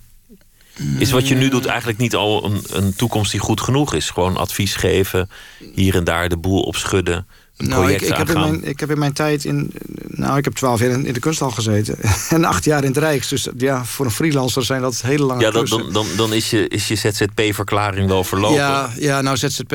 Dat is bij iedereen verlopen inmiddels, nou, maar vooruit. Ik, heb een, uh, ik, ik, werk vanuit een BV'tje, dus dat is, dat is, dat is makkelijker. Um, althans voor mij. Maar, de, maar als, je, als je puur kijkt op karakter, ergens binnenkomen, de boel opschudden uh, ja, maar die snelheid. Ja, maar, het een, ja, maar snel, snelheid uh, graag. Maar de ene klus is nu eenmaal omvangrijker dan de andere. Dus uh, ja, zo'n Rijksmuseum is gewoon heel groot. En uh, er, werken, er werken tegen de 800 mensen. En dan heb ik de, de horeca nog niet eens meegeteld. Dus ik denk, en, en de gidsen en schoonmaken. En als ik dat er allemaal bij tel, dan werken daar gewoon duizend mensen. Echt, dat is, dat is ongelooflijk veel. Dat is groot met een omzet van 130 miljoen. Dus dat is echt een heel groot museum. Met een groot bedrijf. Met, met alles wat daarbij hoort. Met mensen die ziek worden. En, en weet ik het wat allemaal. Dus het is, het is een, echt een grote entiteit om, dat, om, dat, om daar leiding aan te geven. Het is ook, het is ook dodelijk vermoeiend, moet ik je zeggen. Na, na verloop van tijd heb je echt ook wel zoiets van potverdorie. Het is, het is, zolang je het doet, merk je dat niet. Maar zodra je uit die uit die molen stapt, denk je van... poeh, wat een, wat een enorme machine is dat eigenlijk. Die loopt heel goed, omdat er zoveel radertjes in zitten... die goed gesmeerd uh, elke dag opnieuw draaien. Dus dat goed. Maar zodra je daar uitloopt, denk je van... nou, nou, dat was wel, een, uh, dat was wel even uh, hoogspanning al die jaren. dus daar kijk ik ook met veel plezier op terug. Um, wat was je vraag? Of, of ik daar freelance? Ja, um, ja ik, weet je, ik... ik dat Rijksmuseum is niet iets voor een freelancer. Dan moet je dedicated helemaal nee, maar nu? In. Ja, nu, nu ben ik inderdaad meer... Ja, nu heb ik meer, uh, meer variëteit. Maar het begint ook wel weer te kriebelen... dat ik me ergens echt in wil vastbijten toch een groot project of, of iets, iets doen. Wat, wat was uh, eh, 2016 voor jaar in persoonlijke zin? Want, want het, het, het waren tropenjaren bij het Rijksmuseum. Een verbouwing. Uh, de, de twee doeken die moesten komen. Maar we hebben het niet eens gehad over alle incidentjes... die al lang weer vergeten zijn van het, het pistool van Volkert van der G... of, of, of uh, de, de schedel van van, van Damien ja, dat was allemaal verder voor. Maar nou ja, dat, is wel goed dat je die, die twee dingen even noemt. Kijk, dat, dat pistool van Volkert, dat is vaak, wordt dat met mij in verband gebracht. En dat is, dat is terecht en onterecht. Onterecht, omdat dat pistool al door mijn voorganger en de conservatoren uit die tijd... en terecht, vind ik, uh, is geclaimd om behouden te worden voor de Rijkscollectie. Dat klopt. Uh, nou ja, goed, vaak uh, mensen die, die slecht over mij spreken of denken... die denken, ja, die Pijpers die heeft dat ding gekocht als een soort publiciteitsstuntje... en die legt het dan lekker in een vitrine naast de nachtwacht. Nou, dat is beslist niet het geval. Uh, dat, schilder, dat, dat pistool is niet gekocht. Het is overgedragen door het Openbaar Ministerie. Uh, het is een bewijsstuk in de, in de rechtsgang geweest. En uh, het is gelukkig niet vernietigd... omdat wij vinden dat het een, een historisch belangrijk uh, object is. Um, ja, en ik, het, het, wordt bewaard in het Rijksmuseum. En wij hebben afspraken met de familie... dat zodra het een passend moment is dat wij, uh, dat we dat zouden kunnen gaan exporteren. Maar, maar laten, we het, laten we die incidenten juist... Daar mag ik het eigenlijk ook niet nee, daarom, dat is... Maar eindelijk na zulke tropenjaren ja. weer wat, wat, wat rust en wat tijd... en het wat minder druk hebben. Wat, wat, was dit voor jaar in persoonlijke zin? Wat zijn de dingen die je dan weer oppakt... en, en die je nu hebt gedaan waar je die eigenlijk voor je uit had geschoven? Nou ja, ik, ik heb een enorme stapel boeken waar ik eens, uh, die, ik, die ik wel eens uh, wil lezen, behalve in ontvangst nemen. Dus daar daar heb ik nou eens wat tijd voor. Ik schrijf weer eens wat. Dat is ook prettig, vind ik heel fijn, want dat, dan, dat ordent je gedachten. Nou, de mensen die de NRC lezen, die, die kunnen daarvan meegenieten. Het staat er dan één keer in de maand staat er een stukje in. Dat vind ik leuk. Um, ja, je hebt meer tijd voor vrienden, dat soort dingen. Dat is er. Kijk, vergis je niet, zo'n zo'n Rijksmuseumdirecteurschap Dat is ook vier, vijf keer in de week buiten de deur, buitenshuis eten. En dan kunnen mensen zeggen van hartstikke leuk en gezellig. Ja, dat is het ook zeker. Ehm, maar er zijn heel veel sociale verplichtingen die daarbij horen. En dat gaat buiten de 9 tot 5 uh, werkroosters. Dat gaat gewoon maar door. Dus mensen die of in de politiek of een publiek ambt hebben... die, die herkennen dat allemaal. En dat, is fantastisch, dat is leuk. Er komt ook een hoop... Uh, ja, er komt ook een hoop leuke dingen op je pad. Ik bedoel, of het nou Obama is of, of wie dan ook. Maar uh, ja, het kost allemaal tijd. En uh, ja, je leeft maar één keer. Dus er zijn meer dingen in het leven dan, dan het hoofddirecteurschap van het Rijksmuseum. Ik wens je heel veel uh, plezier in 2017 met wat er ook op het pad gaat komen en wat je ook gaat doen. Heel veel plezier en succes gewenst. Dankjewel. Dank je. Deze week in Nooit meer slapen gaan we verder nog ontvangen Laura Jansen en Ivo van Hoven en Kim van Koten, voor wie het ook een uh, bijzonder jaar was. Zometeen gaan we verder en uh, dan gaan we onder meer praten met Thomas Verbocht, die op bezoek komt. Hij schreef een column over het voorbije jaar en zal verder praten over werk en leven in de rubriek Open Kaart. En we hebben nog heel veel andere onderwerpen, onder meer architect Marlies Reumer, die uh, kreeg ineens een soort twijfel over de gebouwen die ze in alle jaren had laten neerzetten. En ging met een bus langs al haar werken om te kijken of het was geworden wat ze destijds voor ogen had. En we gaan het hebben over het boek De Meisjes van Emma Klein. Dat is uh, gebaseerd op de secte rondom Charles Manson. En uh, was een zeer grote hit in het jaar 2016. Twitter, het VPRO NMS. En we zitten ook op Facebook. En u kunt zich abonneren op onze podcast. Dat doet u via de website van de VPRO vpro.nl slash nooit meer slapen. Of via iTunes en uh, dat wijst zichzelf allemaal wel. Zometeen gaan we verder met uh, Thomas Verbocht.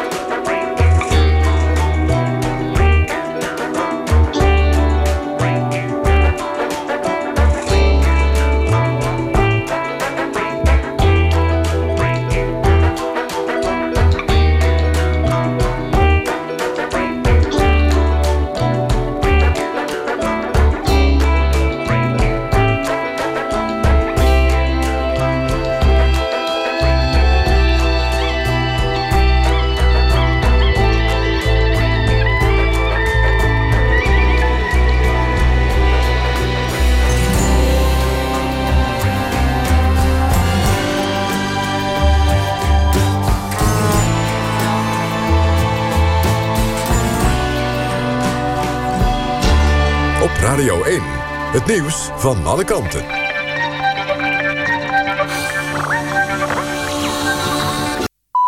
1 uur, Lot Lewin met het NOS-journaal. Russische officials hebben voor het eerst toegegeven... dat er een omvangrijk dopingnetwerk in het land is geweest. Ontkennen heeft geen zin meer, zegt ook de huidige directeur van het Russisch antidopingsagentschap. Wel ontkent ze dat de overheid daarachter zat. De New York Times heeft meerdere officials geïnterviewd die de verhalen over het manipuleren en laten verdwijnen van dopingmonsters bevestigt. En ook het hogerhand uh, geregisseerd toedienen van doping aan atleten en het chanteren van officials en sporters bevestigen. President Obama en de Japanse premier Abe hebben een krans gelegd voor de Amerikaanse slachtoffers van de aanval op Pearl Harbor. Ze deden dat aan boord van de USS Arizona Memorial. Het is voor het eerst dat een zittende Japanse premier het oorlogsmonument heeft bezocht. Premier Abe heeft geen excuses gemaakt voor de aanval. Wel heeft hij de nabestaanden gecondoleerd in een toespraak. Obama benadrukte het bondgenootschap tussen Amerika en Japan, dat volgens hem nooit sterker is geweest. Dit bewijst dat aardsvijanden alsnog bondgenoten kunnen worden, zei hij. Bij de Japanse aanval op Pearl Harbor in 1941 kwamen bijna 2400 Amerikanen om het leven. De Turkse president Erdogan zegt dat de VS indirect steun verleent aan terroristische groeperingen, waaronder Islamitische Staat. President Erdogan zegt daar ook bewijzen voor te hebben, maar deelde die niet. Turkije uitte eerder al kritiek op de VS omdat de coalitie die de Amerikaanse leiden ook enkele militante Koerdische organisaties steunt. En dan het weer. Op de meeste plekken blijft het droog vannacht. Vooral in het zuiden kan mist ontstaan. De minima liggen net boven het vriespunt. Overdag ook op veel plekken mistig. De temperatuur komt daar niet boven de 3 graden. Op andere plekken waar de zon doorkomt is de maximumtemperatuur 7 graden. Dit was het NOS Journaal. NPO Radio 1. VPRO. Nooit meer slapen.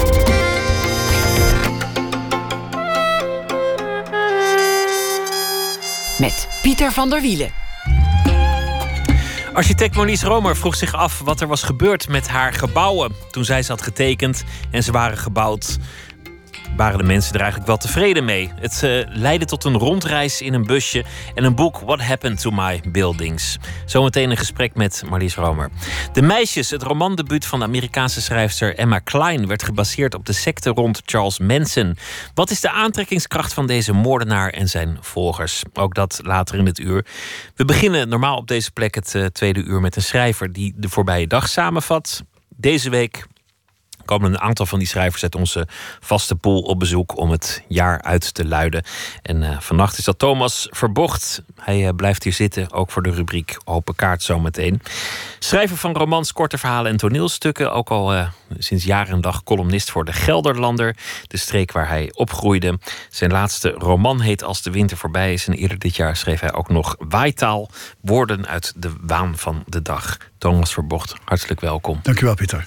Wat een jaar 2016 moet het zijn geweest voor jou. Ja, ongelooflijk. Ja, met, met uh, een heel vol jaar. Met uh, prachtige dingen erin. Uh, maar ook een paar um, droevig stemmende dingen erin. Verwarrende. En, en dat, is dan, dat geldt mij privé. Maar ook, ik vond het ook een heel erg ik zat vanavond nog even naar de, naar de samenvatting van het journaal. Het zo'n jaaroverzicht was ik aan het kijken. Er was, er was eigenlijk heel weinig licht in. Hè? Het was echt een, de, heel veel donker nieuws. Veel, veel dreigend nieuws. En, uh, dat zegt ook wel iets over de samenstelling van zo'n overzicht. Ja, denk ja. ik dan. Maar goed, maar er was, maar een heleboel, er was ook heel veel gebeurd. Ook veel, veel aanslagen. Ja, dat is waar. En, en, en, en, en, en goed. En, en, dus, uh, maar ik vond, als, ik ben, dat, dat, dat doe ik altijd die laatste dagen van het jaar. Dan loop ik ook een beetje door mijn herinneringen heen aan het, aan het afgelopen jaar. Ook dan, vooral dan persoonlijke. En uh, ja, dat was dus. Maar, het, het, ik vond een van de hoogtepunten vond ik de, het, genomineerd zijn voor de, voor de Librisprijs. En uh, dat wat, wat heel heel goed, heel veel goed gedaan. Mijn boek ook. Maar in, in dezelfde periode overleed mijn moeder. Hè, die was um, 90. En die, die uh, vond het niet, niet erg om nu dood te gaan. Dus ik heb een heel mooi leven gehad. Maar het, het, het was, uh, Pieter, die week. Het was maandag 4 april. Ik had het mijn moeder. S ochtends had ik haar naar. Was ik naar Nijmegen gereden. Had ik naar een hospice gebracht in Nijmegen. En er kwam dus. Uh, dat had ze ook vrede mee. En, en uh, ook een heel mooi, mooi oud gebouwtje aan de Waal. Met uitzicht over de Waal. En toen kwam ik dus terug in Amsterdam. En toen hoorde ik dat Wim Brands overleden was.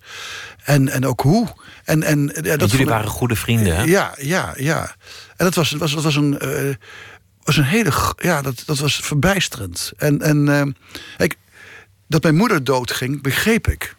Ik bedoel, ze was 90 en ze werd ziek. En maar dat Wim doodging, althans, ja, doodging, voor de dood gekozen had, dat begreep ik niet. En uh, dan, dan, dan uiteraard vraag je jezelf dan af: had ik het niet moeten zien aankomen? Ja, dat, nee, dat was niet zo. Niemand. En, en, en, um, en, en je bent ook, je bent ook even, heel even bij je kwaad. Erover. Ik denk, waarom, waarom, waarom Ja. doe je dat? Ik bedoel, eh, hè, zijn vader had hetzelfde gedaan. En daar hadden we het al heel lang, ook, eh, te kort daarvoor, of kort daarvoor, een jaar daarvoor hadden we het over gehad. Oh ja, naar aanleiding van de dood van Joost Zwageman, waar Wim kwaad over was. En, en eh, nou goed, hadden we een gesprek over deze manier van, van doodgaan. En, en ja, Wim zei, ja, dat, dat doe ik dus nooit. Want ik weet wat... Ik had hem te gast in dit programma ook, ook een, een, een half jaar eerder of zo. Dat dat loopt dat een beetje door elkaar. Toen zei hij hetzelfde. Hoe boos hij was op zijn vader Ja. die dat gedaan had. Ja, ja. En, en, en, en eh, ook heel boos, eh, ook omdat je dat niet begreep. En ook boos omdat zo- hij zei: Ja, mijn vader had toch kunnen weten wat hij ons, zijn, zijn, zijn nabestaanden, aandeed daardoor. En. en eh, maar dan, dan doet hij hetzelfde. Ja, n- n- ik- ik- nu klinkt dat verwijtend, zo is het helemaal niet. Want ik, ik, ik besef heel goed dat als je zoiets doet. Volgens mij doe je dat zelf al niet meer. Dat is, je wordt overgenomen door iets wat er in jou huist. Een, een kwade geest die voor kortzetting zorgt. En, maar goed,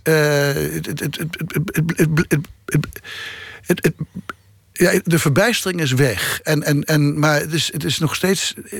Ja, ik denk, god, wat, wat, wat, wat erg. Wat een, je voelt alsof er iets in je leven ook geamputeerd is daardoor. Het was een jaar van rouw en een jaar van vreugde. En ook in professionele zin voor jou denk ik een jaar van succes en erkenning. Ja, zeer. Zeer. Ja, dus, dus, dus kijk, ehm, eh, dat, mijn, mijn, mijn, mijn, mijn roman Als de winter voorbij is, is enorm opgetild. Hè, ook door die nominatie. Er is heel veel aandacht voor. Ik heb ook zelden zoveel reacties gehad op een boek als op dit boek.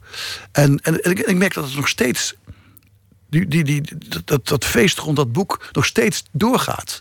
Nou, dat doet me natuurlijk heel veel goed. Want ik, ik, heb het, ik, ik, heb, ik hou van al mijn boeken. Maar ik, ik, ik, ik merkte wel dat ik met dit boek eh, dichtst bij mezelf was gekomen. Je vorm had gevonden. ja, ja dat, dat, dat, dat- die, dat, die vorm ja, die was wel eerder. Maar dat, dat, dat, ik ook over, dat ik over een bepaalde schroom heen durfde te stappen. En, eh, en, en waardoor de, de, de mate van urgentie van zo'n boek groter is. En, eh, en bovendien is het ook een boek wat heel erg. Het, het meest van mij, al, mijn- al mijn boeken, het met mijn eigen, mijn, heel erg mijn, mijn stem heeft. En, en, eh, en ja, ik ben, er, ik, ben er, ik ben er heel erg trots op, op dat boek. Zometeen gaan we verder praten over je, je werk en leven aan de hand van de vragen Ja, in, in, in, in ja, die, ja. in die bak. Moet je ook maar hopen dat je leuke vragen trekt. Maar eerst, je hebt een, een, een verhaal geschreven. Normaal op deze plek doen we een column over de voorbije dag. Ja. Nu een column over kijk, het voorbije jaar. Ja, kijk, normaal probeer ik in de column altijd natuurlijk een beetje, zoals je weet, ook een beetje de, de, de, de, de absurditeit van het da- dagelijks leven of het, of het dagelijks nieuws te belichten. Maar deze, deze wat, ik wel zei, van deze dagen eh, ben je wat, althans ik, wat, wat beschouwender. Hè? En wat, eh, nou, ik, ik, zal, ik zal even voorlezen, Pieter. Ga je gang. Het jaar is langzaam op aan het raken. En veel van wat het jaar vol maakte, is aan het verdwijnen of al verdwenen. Tijdens de laatste dagen dwaal ik door herinneringen en gebeurtenissen die het jaar belangrijk maakten. Ik denk aan de vroege lente toen mijn buitengewone moeder en een dierbare vriend doodgingen. Ik denk aan alles wat de wereld donkerder maakte. En nu ik dit zeg, vraag ik me af wat ik vorig jaar tijdens deze dagen over de wereld dacht. Ben ik bijvoorbeeld ongeruster? Of sta ik die onrust niet toe? Als ik niet ongerust ben, sluit ik dan mijn ogen voor wat er aan de hand is? Of doe ik dan wereldvreemd? Vanmorgen zwaaide ik iemand uit op Schiphol. En terwijl ik daar door de rusteloze wereld van aankomst en vertrek liep, dacht ik aan een aanslag. Ik dacht waarom niet? Je hoort een paar keer per week iemand zeggen, meestal een deskundige, dat het eigenlijk vreemd is dat het hier nog niet is gebeurd. Ik denk daar heus niet licht over. Maar wel vraag ik me af waarom dat zo dikwijls wordt gezegd. Wat is de functie ervan? Wat moeten we met ons leven doen? Moeten we binnen blijven en in onze kelders zitten? Hoe lang horen we al niet over een terreurdreiging spreken? Terwijl veel mensen de dreiging van terreur al haast onverdraaglijke terreur vinden. Ja, dit was het jaar waarin ik vaker over angst hoorde spreken dan vorig jaar. Als je aan iemand kunt zien of die angstig is, zag ik vanochtend op Schiphol niemand die bang was. En dat stemde me monter. We gaan allemaal dood, dacht ik. Alleen weten we niet waar en wanneer dat gebeurt. Zijn we er bang voor? Misschien, misschien een beetje. Toch moeten we niet leven met angst voor de dood, denk ik. Dan wordt het allemaal zo zwaar. Zo zwaar dat we ons nauwelijks kunnen bewegen. Mijn montere stemming vanochtend in de montere wereld van Schiphol gaf me een tintelend eindejaarsgevoel. En ook kreeg ik zin in het avontuur. Kreeg ik zin om aan het avontuur van het nieuwe jaar te denken. We blijven in beweging om van alles het beste te maken. Beter dan het beste bestaat niet. En zo maken we angst belachelijk. Thomas Verbocht, dank voor je verhaal. En uh, zometeen praten we verder met uh, de kaarten. Een van de leuke momenten in 2016 was dat Michelle David op uh, bezoek kwam met haar project The Gospel Sessions. En we gaan een van hun nummers draaien, Higher Ground.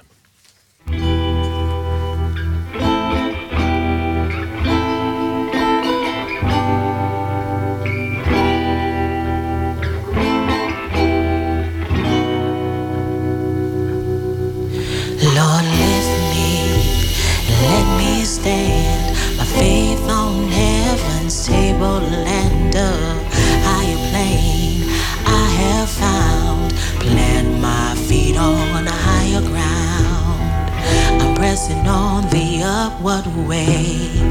New heights I'm gaining every day, still praying as I'm onward bound. My plant my feet on higher ground. My heart has no desire to stay where doubt arises and fears dismay. Though some may dwell where those are bound, my prayer, my aim is higher ground. Lord, and let me stand. My faith on heaven's table and a higher plane. I have found, plant my feet on a higher ground. Lord, lift me and let me stand. My faith on heaven's table and a higher plane. I have found, plant my feet on a higher ground. I want to live above the world, though Satan darts at me are hurled. For faith has caught the joyful sound, the songs of saints on higher ground. I to scale the utmost high and catch a gleam of glory bright. But still I pray to heaven I found, Lord, plant my feet on higher ground, Lord, lift me and let me stand. My faith on heaven's table and a higher plane. I have found, plant my feet on a higher ground, Lord, and let me stand. My faith on heaven's table and a higher plane. I have found, plant my feet on higher ground.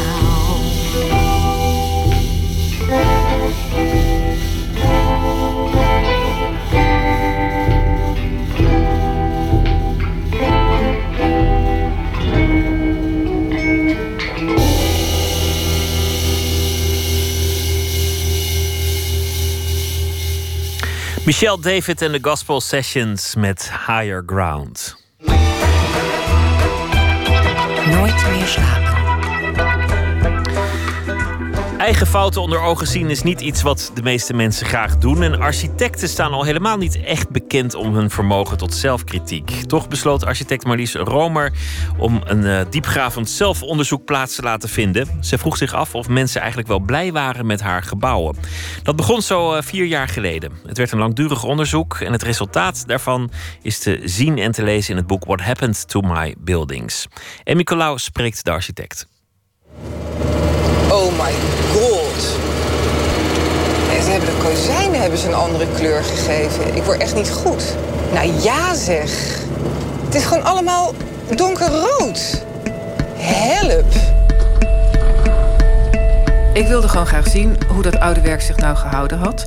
En tegelijkertijd werd ik soms ook wel heel moe van de hele tijd what's new, what's next, uh, 60 uur per week werken, altijd gaan voor je nieuwste gebouw. Het is een heel hypey vak. En ik had de behoefte om eens even terug te gaan. Ik was zat toen 25 jaar in het vak, nu 30 jaar. En ik dacht, ik wil best zo lang doorgaan zoals zo iemand als Herman Hertzberger, die nu ook op zijn 83ste nog werkt. Maar ik wil, ik wil me herbezinnen. Ik wil gewoon eens kijken van wat is er nou van die 25 jaar geworden. En dus regelde Marlies Romer een wit, beetje aftans camperbusje en begon aan een tocht door het hele land. Langs alles wat ze in de loop van 25 jaar ontworpen had. Woningbouwprojecten, scholen, studentencomplexen, zorginstellingen, kantoren en haar moskeegebouw. Oh, wat is het vies geworden? Dit project is dus 16 jaar oud.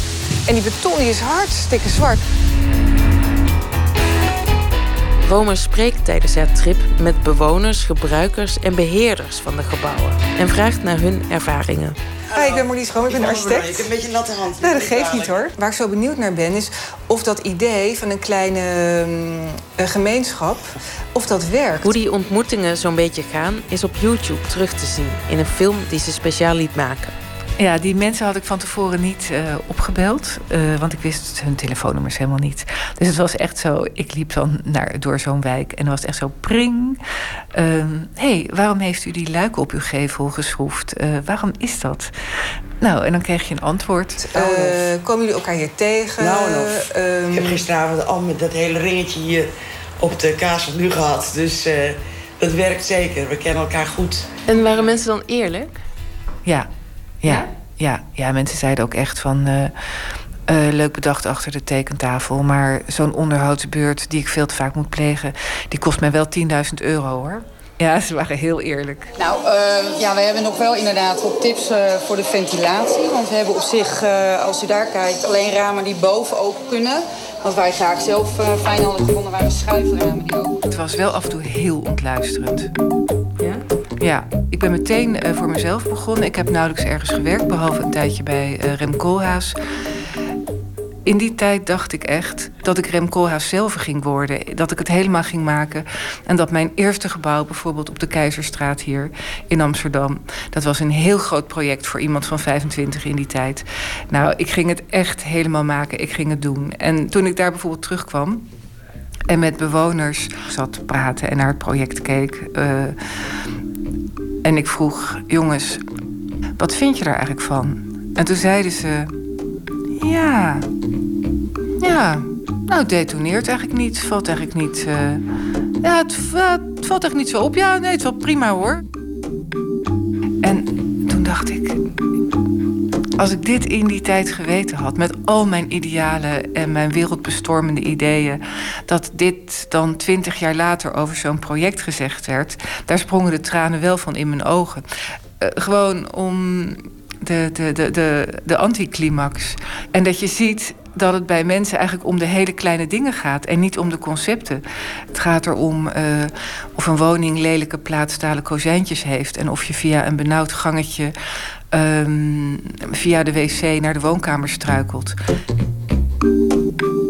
Je eigen miskleunen onder ogen zien en die ook nog eens frank en vrij aan de rest van de wereld tonen, daar is een zekere mate van moed voor nodig. Ja, mensen vinden het heel dapper. Maar ik zat tegelijkertijd dat boek van Taleb te lezen, Anti-Fragile. Um, ja, het is een boek van vijf, 500 bladzijden. En het komt er eigenlijk kortweg op neer dat van mislukkingen kan je leren. En maakt je dus minder fragile, minder fragiel. Er zijn best mensen die tegen mij zeggen: Je krijgt volgens mij echt nooit meer een opdracht met dit boek. Architecten hebben dat uh, bij mijn eerste boekpresentatie nog uh, uh, gezegd.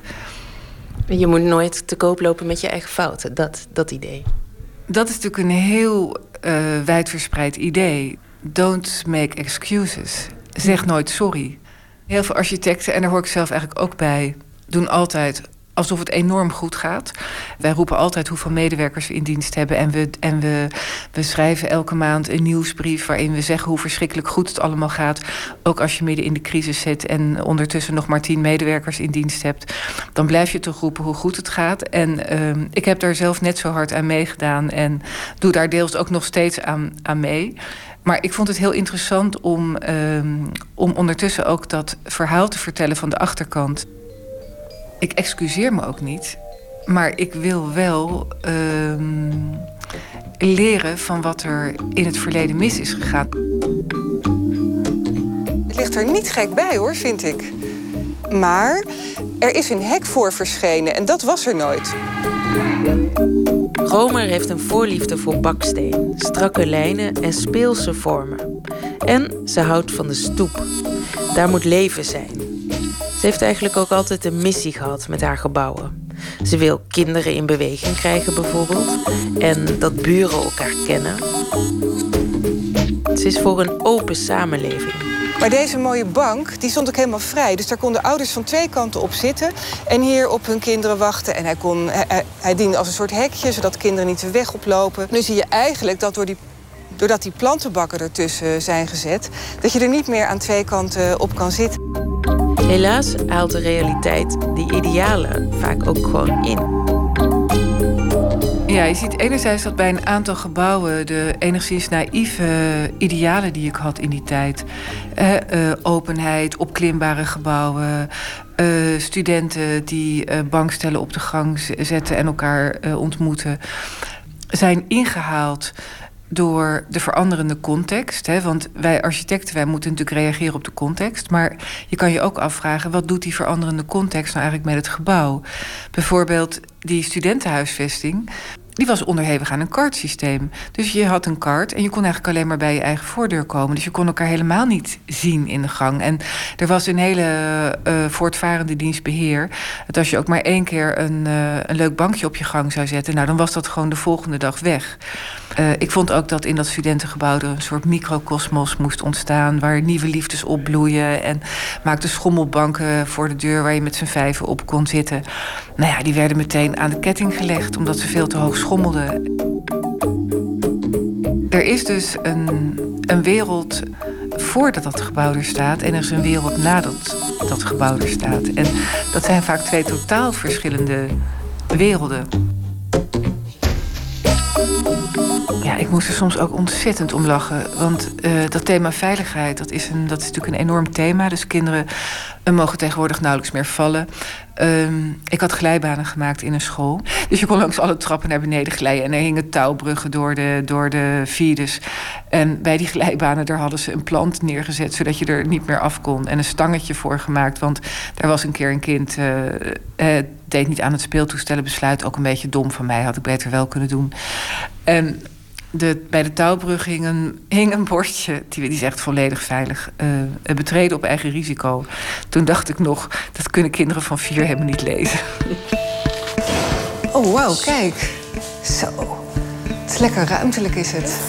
De eerste keer toen ik hier in het huis kwam, toen dacht ik van nou, die luiken zijn dicht, dus dat geeft een heel beklemmend gevoel. Het kan zo van ja, ik heb altijd wil het open hebben en nee, het voelde prettig. Bij dat heette toen nog het wilde wonen. De, de, daar heb je allemaal van die woningbouwtentoonstellingen gehad. Daar heb ik een project gemaakt toen ik daar aan kwam rijden. Toen dacht ik, nou, het zal mij benieuwen of dit, dit heeft overleefd. Want het was, het was een heel sterk concept met een soort grote ketelhuizen... en een soort grote aluminiumhallen ertussen. Heel radicaal project. En ik dacht, ja, als mensen daar van alles op en aangebouwd hebben... in hun eigen stijl, dat overleeft dat project niet. Maar daar was het gek genoeg weer zo... dat die hallen, die, die boden zoveel vrijheid... dat mensen daar zelf kamertjes in konden timmeren. En iedereen had dat ontwerp eigenlijk heel erg, erg gerespecteerd... en er helemaal niks op en aangebouwd. Dus er valt gewoon niet één formule te bedenken. Er zijn meerdere formules. Alleen de vraag voor wie bouw je. In Lelystad ging het echt helemaal mis. Ik had niet verwacht dat het zo erg zou zijn. Daar had ik voor mensen met een kleine beurs een soort enorme aquariumramen gemaakt. Je moet er wel voor kleden als je gaat eten hier. Mensen wisten dus daar geen raad mee, want ze hadden al zo weinig ruimte. En die aquariumramen die vonden ze heel onhandig, want ze zaten daarmee te kijken op straat. Dus die hadden ze binnen de kortste keren dichtgezet, schuttingen ervoor gemaakt. Nou, je ziet dat iedereen een beetje de gordijnen dicht doet. Dus het bevalt eh, tot op zekere hoogte. Ja. Dus een ontwerp in relatie tot je doelgroep hè, en hoeveel geld heeft die doelgroep, daar ben ik wel veel realistischer in geworden. Praktischer, denk ik, dan ik aanvankelijk was. En niet minder idealistisch? Nee. Idealistisch en realistisch tegelijk. Tot slot moet ik hier toch even aantekenen dat er ook een heleboel zaken goed zijn gegaan. Neem bijvoorbeeld deze vrouw. Ik vind het verrukkelijk dat zo'n zo'n vensterbank omhoog loopt en, en er geen muur recht staat in mijn huis. Ik heb eigenlijk geen eh, op- en aanmerking hoor. Ik, ik- alleen de man die het laminaat legde, die werd natuurlijk gek.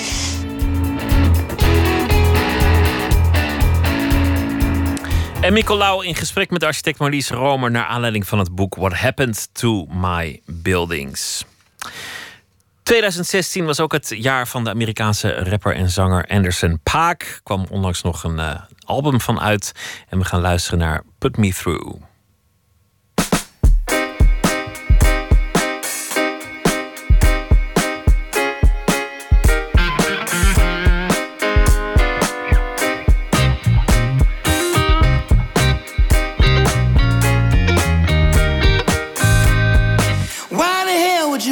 This game?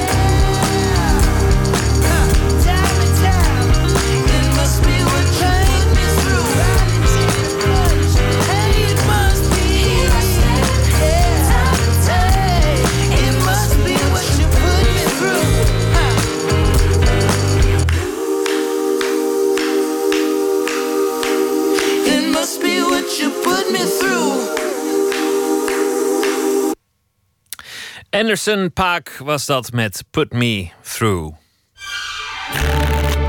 Open kaart.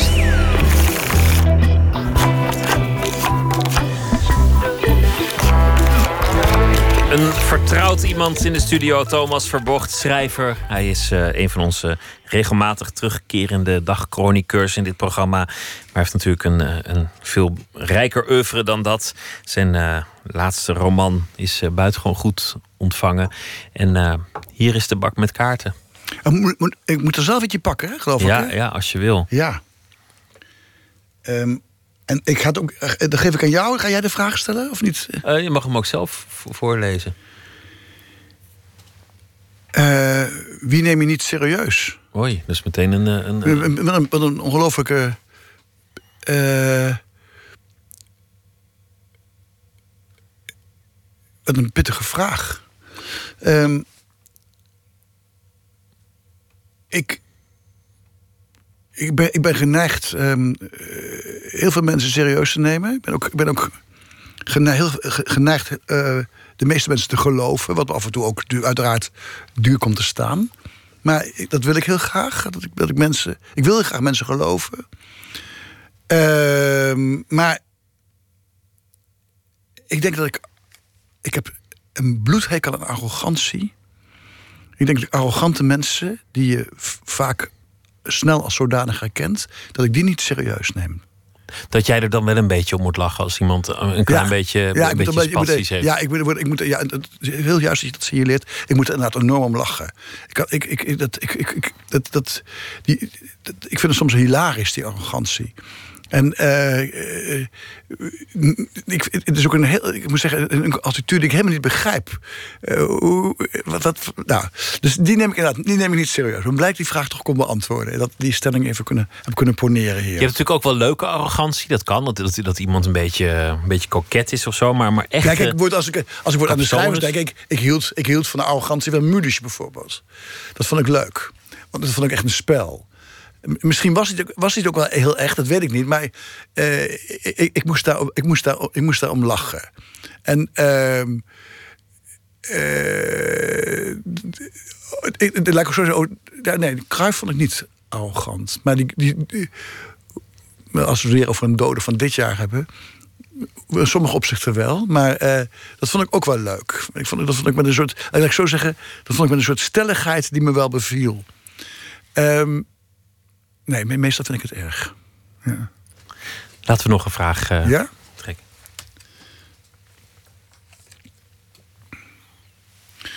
Ja, wanneer, de vraag is: wanneer wist je dat je dit werk wilde doen?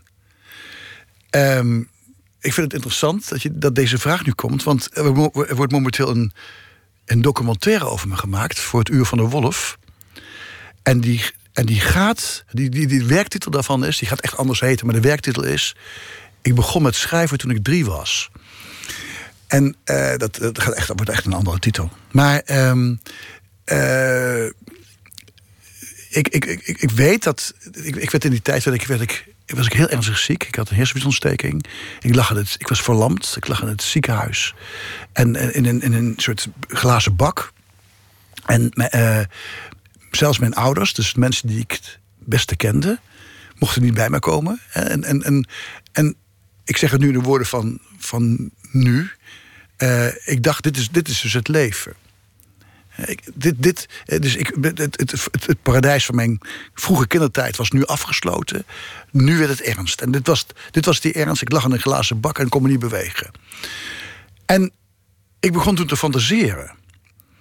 En over, over van alles. Eh, laat ik zo zeggen, over, over een, een, wereld die van, waar, ik het zelf voor het zeggen had. En toen ik daar weer uitkwam en, en weer opnieuw leerde lopen en, helemaal genezen was, toen bleef ik dat doen. En ik voelde me heel erg thuis in die wereld van, in, het, zeg maar, het parallele universum. En ik was er zelfs aan verslaafd. Ik, ik, dus altijd dacht ik, altijd zat ik gewoon weg te dromen een beetje. En, en, en, en, en, en ik, ik, bij alle het alledaagse dingen bedacht ik gewoon mijn eigen dingen. En ehm, toen, toen, ja, ik, wil niet, toen, ik wist niet, ik- misschien wist ik niet eens toen ik drie was wat een schrijver was. Maar wat ik wel wilde, ik dacht, dit, dit, is, dit is mijn leven. Dit is, ik dacht wel, ik zeg het weer in de woorden van nu, maar ik dacht, dit is mijn echte leven. Het, het fantaseren. Het, leven dat ik zelf dingen bedenk. bedenken. Ja. En, en, ehm, en, Terwijl je als kind daar ook, ook vaak in, in wordt tegengesproken... of het wordt, wordt vaak ontmoedigd om, Ja, om ja. fantasie te veel te gebruiken. Dat deden mijn ouders niet. Ja, mijn, mijn moeder helemaal niet. Mijn vader wist dat niet zo. Mijn, mijn vader ging- die was, die was, was heel erg. Die studeerde toen rechten. Die was, daar, die was met hele andere dingen bezig.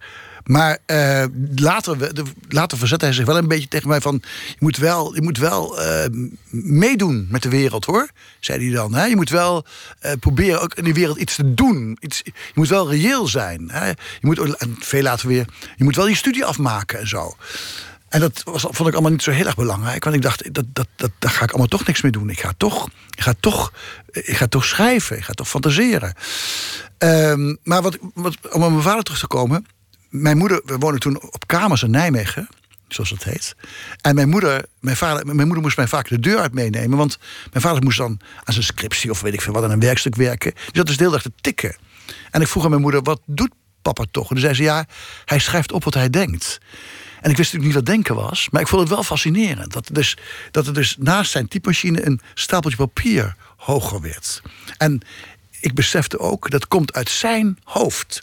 Want naast mijn moeder of naast mij ligt niet zo'n stapeltje papier. Dus die dingen, dus die, die, dat die verslaafdheid aan, aan, aan, aan, aan die fantasie. En hij schrijft op wat hij denkt.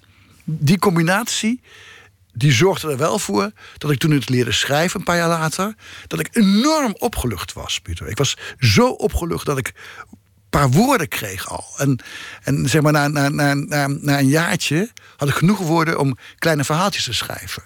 En dat, dat was voor mij, dat, dat deed ik veel liever dan ehm, op straat spelen of zo. Of, of, of dat, ik, liefst, liefst zat ik op mijn kamer die verhaaltjes te doen. Ik denk, daar, ik, ik bepaalde daar wat er gebeurde. Dat vond ik dus fantastisch. Heer en meester zijn in, in dat parallele universum. Ja.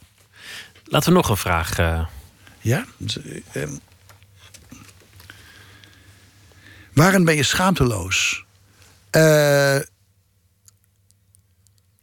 ehm, ge- geworden. Ik ben dus. eh, ik, ben, ik heb geleerd. En, eh, ik ben, ik ben, ik ben in, mijn, in mijn werk schaamteloos. In mijn schrijven. dat zei je al eerder, want, want we hadden het over het jaar 2016. En, en, en we hadden het over, over het vinden van je, je vorm, van je, Ja. van je stem.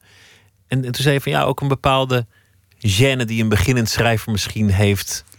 Die, die had je achter je gelaten. Ja. Ik, had ik had, voor dit boek heb ik al, had ik natuurlijk al, al wel, wel, wel, wel 30 geschreven. En, en ik, ik, ik, merkte gewoon dat ik, zeg maar, vanaf, halverwege de jaren 90 dat ik wel, eh, wel steeds meer durfde. Maar ik, ik, ja, ik, waar mee begon was... ik moest in 2000, 2012 overleed een dierbare vriend van mij, Frans Kusters... een schrijver van korte verhalen. Hij is niet zo bekend, maar wij schrijven wel prachtige verhalen. En zijn uitgever, De Bezige Bij, vroeg aan mij... kun jij een boek schrijven over Frans, over jullie vriendschap... over twee jongens die de literatuur in willen... En dat, ik dacht dat misschien is dat een goede methode ook om met mijn rouw, met mijn verdriet om te gaan. Dus ik schreef dat boek. En dat was een, dat was een strikt autobiografisch boek. Ik schreef over Frans en mij. Over twee jongens die inderdaad. ik- ik- ik- hij is in Nijmegen gebleven, maar we zijn er samen. Ik ben weggegaan, maar we zijn wel samen daar opgegroeid. En hebben elkaar eh, de literatuur ingeloodst en weet ik veel wat. Eh, dus, met schrijverskennis laten maken. Borges en weet ik veel, Nabokov, Kafka. En, eh, maar dat boek was een, was, een, was een strikt autobiografisch boek. En ik merkte, terwijl ik dat aan het schrijven was, zeker toen het af was, eh, dat ik me in deze vorm heel erg thuis voelde. En toen was ik klaar voor een nieuwe fase in mijn werk, mijn oeuvre, om het woord maar eens te gebruiken, de nacht oeuvre.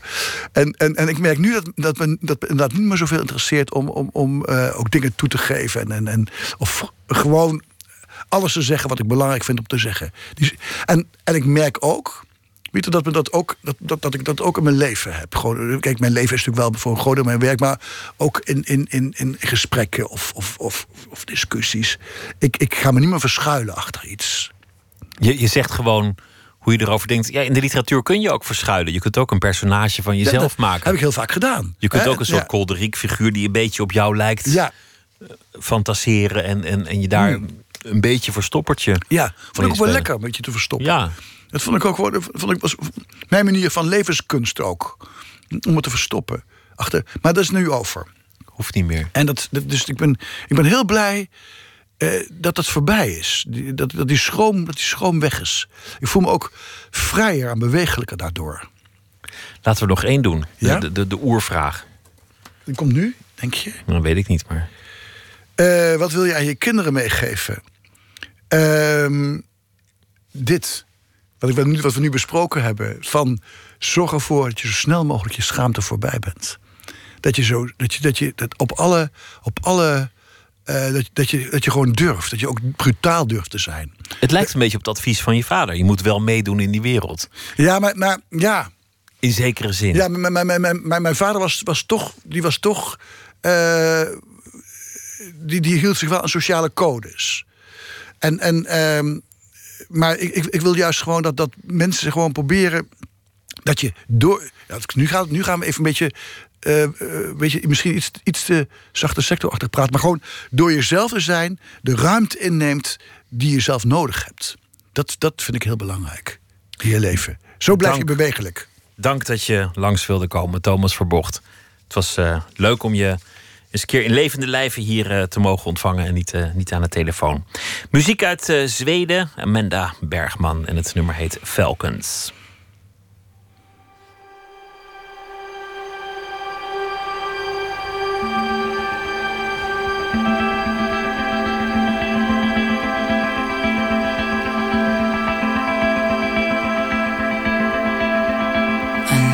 Fire's slow, lock and leave it go.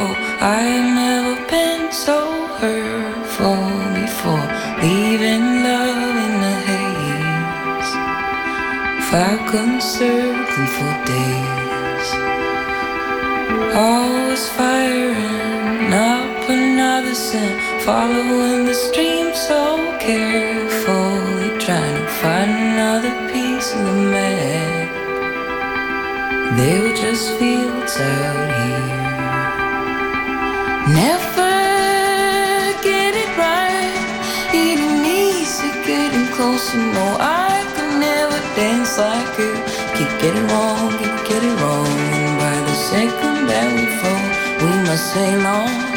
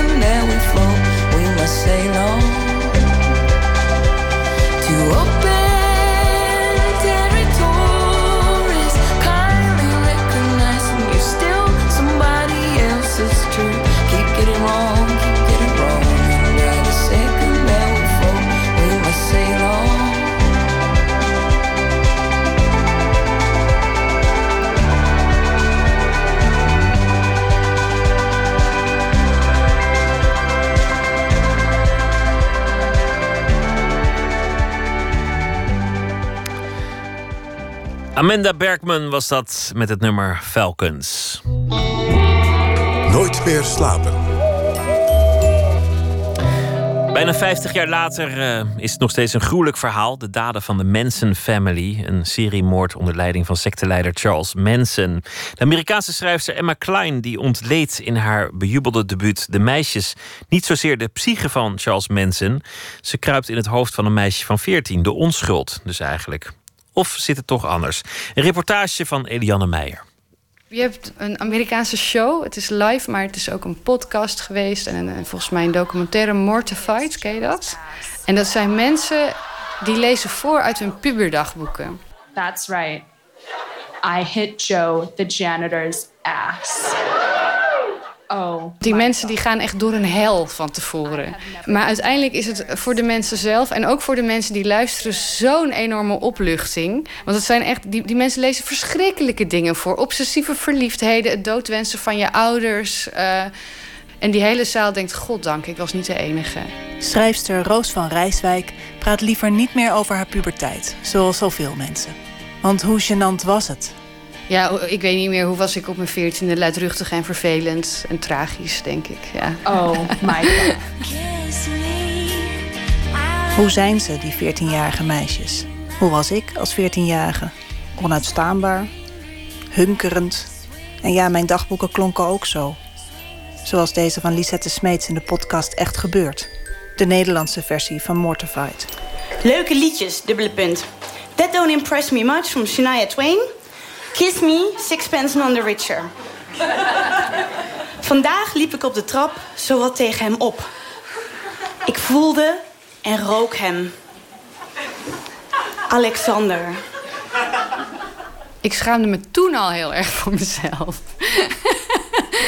maar ondanks alles was ik toch die 14-jarige die heel onhandig en uh, ongetwijfeld heel vervelend was. Onlangs gaf Roos van Rijswijk het boek De Meisjes van Emma Klein in NRC Handelsblad vijf ballen. Even kijken hoor. Zal ik een stukje voorlezen? Ze omschrijft het boek als een onthutsende wordingsgeschiedenis. Haast toevalligerwijs tegen de achtergrond van een onwerkelijke sectarische leefwereld. Vroeger was ik constant uit op aandacht. Mijn kleding moest liefde uitlokken. Ik trok de hals van mijn truitje zo laag mogelijk, staarde peinzend voor me uit in een openbare gelegenheid, zodat een toevallige passant zou denken dat ik een erg diepzinnig persoon was. Het is de eindeloze zomer van 1969. In een saai stadje in Californië houdt de 14-jarige Evie Boyd zich bij gebrek aan een beter tijdverdrijf bezig met het doorlopende project van meisje zijn. Als volwassene drong het pas tot me door hoeveel tijd ik had verspild. De overvloed en schaarste die we van de wereld konden verwachten, het aftellen in tijdschriften die ons op het hart drukten, ons al een maand van tevoren voor te bereiden op de eerste schooldag. Dag 28. Breng een gezichtsmasker van avocado en honing aan. Dag 14. Bekijk je make-up in verschillend licht. Buiten overdag, binnenshuis avonds. Evie raakt die zomer in de ban van een groep jonge vrouwen... die zich volgelingen noemen van de talentloze maar charismatische singer-songwriter Russell. Een fictionele Charles Manson. En dat heeft alles te maken met waar 14-jarige meisjes het meeste behoefte aan hebben. Het is een beetje een rode draad in het boek. Um, over dat uh, dit meisje, maar ook de andere meisjes... heel erg bezig zijn met gezien worden, opgemerkt worden. Uh, en ze, ze, noemt zichzelf en uh, een vriendinnetje... wat zij in die tijd heeft, ook echt complotdenkers. Dus, dus, dus alles wat jongens doen, heeft een betekenis. En die betekenis hangt heel erg af van hoe zij eruit zien... hoe zij zich gedragen. Is het herkenbaar? Een beetje wel. Ik was niet zo extreem als puber. uh, maar ja, natuurlijk de, de tienerbladen, uh, het, het, uitvinden wie je bent. Uh, ontdekken dat je op een andere manier gezien wordt zodra je borsten krijgt of over seksualiteit gaat beschikken. Ik denk dat het heel veel zegt over heel veel meisjes. Net als Emma Klein is Roos van Rijswijk een jonge schrijfster. Allebei zijn ze dit jaar gedebuteerd met een succesvolle roman, die van Roos heet Onheilig. En allebei begonnen ze met het schrijven van korte verhalen. Klein verschil. Emma Klein surft op het moment op een publiciteitsgolf. Niet in de laatste plaats vanwege de gigantische boekdeal die ze binnensleepte. Naar verluid 2 miljoen dollar voor drie boeken. Nou ja, ik vind het heel terecht. Ik vind het echt, echt een heel erg goed boek. Uh, literair. Uh, en ook het is zowel qua schrijfstijl als uh, qua plot en inhoud heel goed. En die combinatie, daar hou ik erg van. Um, maar die enorme hype, ja, je kan nooit zeggen of, of zoiets terecht is of niet. Uh, ik denk dat het, dat het zo'n absurd hoog bedrag is. En zo'n absurde actie dat het te onwerkelijk is om jaloers op te worden. Hoewel het natuurlijk heerlijk zou zijn. Uh, ik bedoel, het is heerlijk als zoiets je gebeurt, denk ik. Tegelijkertijd denk ik ook wel dat het een enorme druk op je legt als jonge schrijver. Ze moeten nog twee. Ja, en ze, ze, ze, moet ook wel. En, en ook, als dit, dit eerste boek heeft het heel goed gedaan. Eh, internationaal ook. Er verschijnen nog steeds eh, heel veel besprekingen, recensies. Het wordt eh, ook verfilmd. En dat, dan, dan, dan ga je misschien ook wel schrijven naar wat je denkt dat bestsellervoer is. Ik denk niet dat Klein dat overigens gedaan heeft, maar dat is wel een keerzijde ervan. Het succes van de meisjes komt ongetwijfeld ook door het mysterieuze aura dat na bijna 50 jaar nog steeds rond de Manson family hangt. Evie voelt zich aangetrokken tot de vrije hippie-meisjes uit de secte en is al gauw niet weg te slaan van de ranch, waar iedereen het doet met iedereen, geld bij elkaar gestolen wordt, het eten uit restaurantkliko's komt en er altijd wel iemand op een gitaar zit te tokkelen.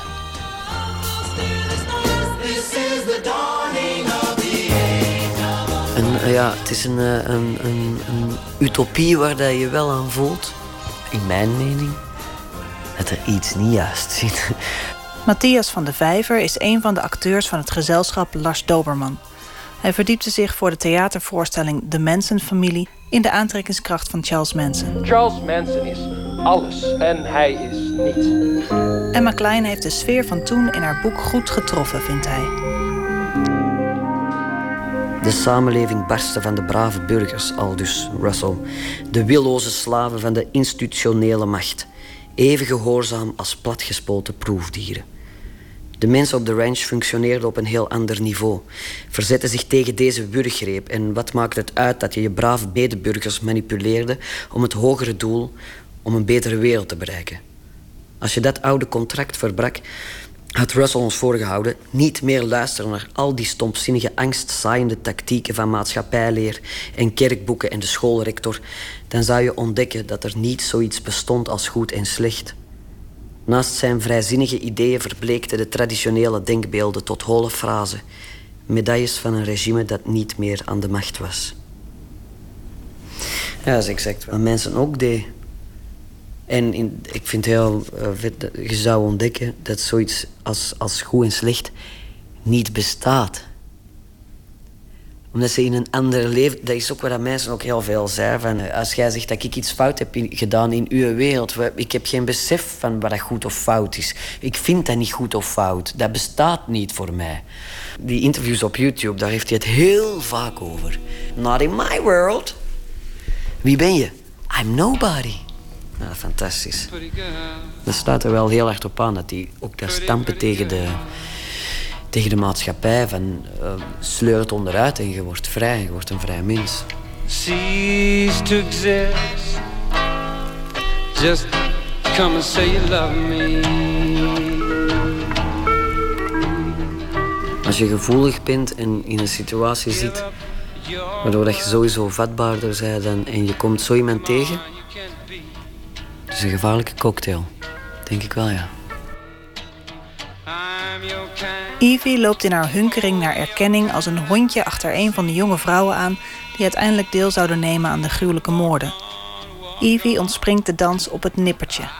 Maar als het aan haar had gelegen, was ze meegegaan. Het gaat Emma Klein dan ook niet om de aantrekkingskracht van Russell of Charles Manson, maar om het grijze gebied tussen goed en kwaad, zoals ze ergens in een interview zegt. Het, het feit dat, dat Evie dat ook had kunnen zijn, eh, zo'n moordenares, dat, dat, dat vond jij volgens mij ontluisterend of eh, verontrustend. Eh, ik vind dat verontrustend, maar ik vind het ook heel raak en, ehm, en goed. Juist dat, dat er in dit boek niet een verschil wordt gemaakt tussen de good guy en de bad guy. Zij komt inderdaad uit een omgeving waar er een heel groot verschil is tussen goed en kwaad. Eh, en waarin ze dat verschil erg, heel erg aan het uitvinden is. En zij voelt, voelt wel dat onrustige voorgevoel. Maar ze gaat wel mee. Ze stopt er pas mee als het wordt tegengehouden. Ze moet echt tegengehouden worden. En, en, en dat, dat is wel heel ehm, cru. En dat zegt ze zelf ook. Ja, ik, weet, ik was er ook waarschijnlijk ook in staat geweest tot die moorden, tot die gruwelijkheden. We zijn niet allemaal. Eh, ik ben niet anders dan die anderen. Daar hebben wij ook heel hard mee zitten, over zitten discussiëren van eh, de, de schuldvraag. Theoretisch gezien is ze niet schuldig. Ze heeft geen misdaad gedaan. Ze heeft geen deel gehad aan de moordpartijen. Dus oké, onschuldig. Net zoals eh, Charles Manson eigenlijk, dat ze heel veel moeite hebben gehad om hem aan te klagen, om hem veroordeeld te krijgen. Omdat hij zei van, ja, als ik zeg van, eh, springt van die rots, springde jij dan, onnozeleer. Ik zei van, oh, moeten die mensen eens omleggen. En dat hebben ze gedaan. Dat is mijn schuld toch niet? Ben je schuldig, ja of nee? I don't know. One is the loneliest number that you'll ever do. Evie moet leven met de consequenties van haar betrokkenheid. En zelfs in de vrouw van middelbare leeftijd die terugblikt, voel je nog het 14-jarige meisje dat ze was. Eenzaam, zoekend, hunkerend. Ik was aan het wachten op iemand die me zou vertellen wat er goed aan me was. Later bedacht ik dat dat wellicht de reden was dat er zoveel meer vrouwen dan mannen op de ranch waren. Al die tijd dat ik mezelf had zitten evalueren, de artikelen waarin stond dat het leven eigenlijk een wachtkamer was totdat iemand je opmerkte. En de jongens gebruikten die tijd gewoon om zichzelf te worden. Ik ben echt verliefd. Hoewel de definitie van liefde aan mij nog redelijk onduidelijk is. Ik hoop op een goed begin van mijn liefdesleven met Alexander. Een reportage van Eliane Meijer naar aanleiding van het boek De Meisjes van Emma Klein. We eindigen met poëzie van Vrouwtje Tuinman. Het gedicht heet Als niet, niet nu, wanneer dan?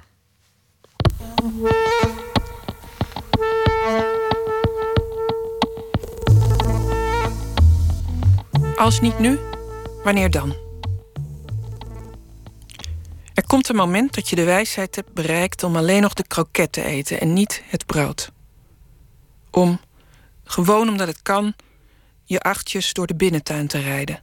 Met je rolstoel, all day long, terwijl je meezingt met de radio. Alles staat open. Je kunt verslaafd raken aan het een of ander. Je bent toch al oud en ziek. Je hoeft er niet meer van te groeien of te wachten tot de buren dood zijn of je vrouw. Er blijkt altijd wel iemand rond te lopen die je wil vertellen hoe je eigenlijk leven moet. Er komt een moment dat je onaangenaam mag worden. Nu alle andere verwachtingen gebroken zijn, is er niets dat in de weg zou hoeven staan.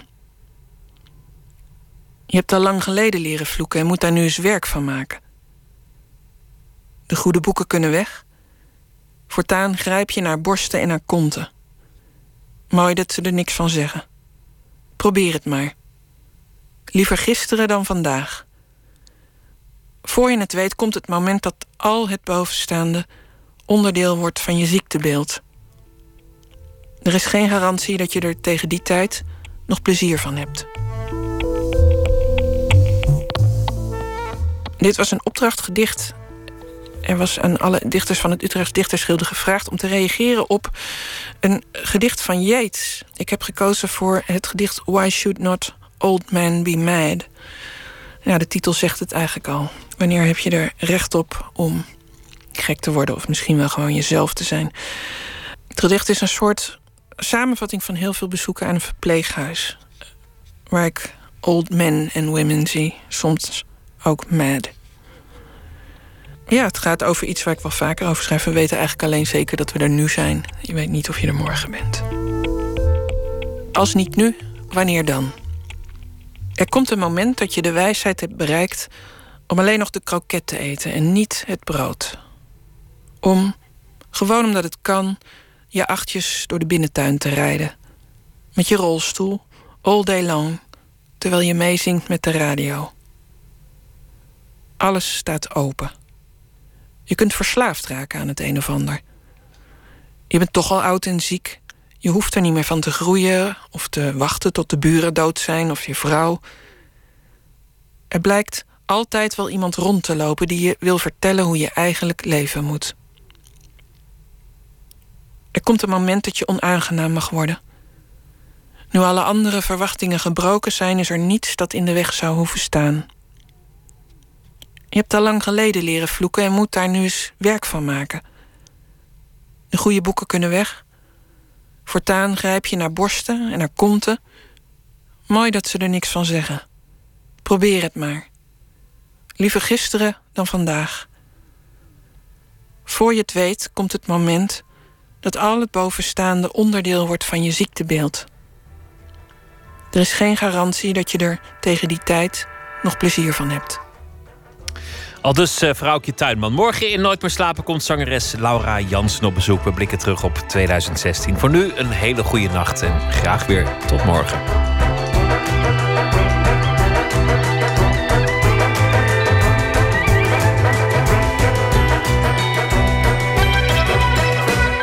Op Radio 1, het nieuws van alle kanten.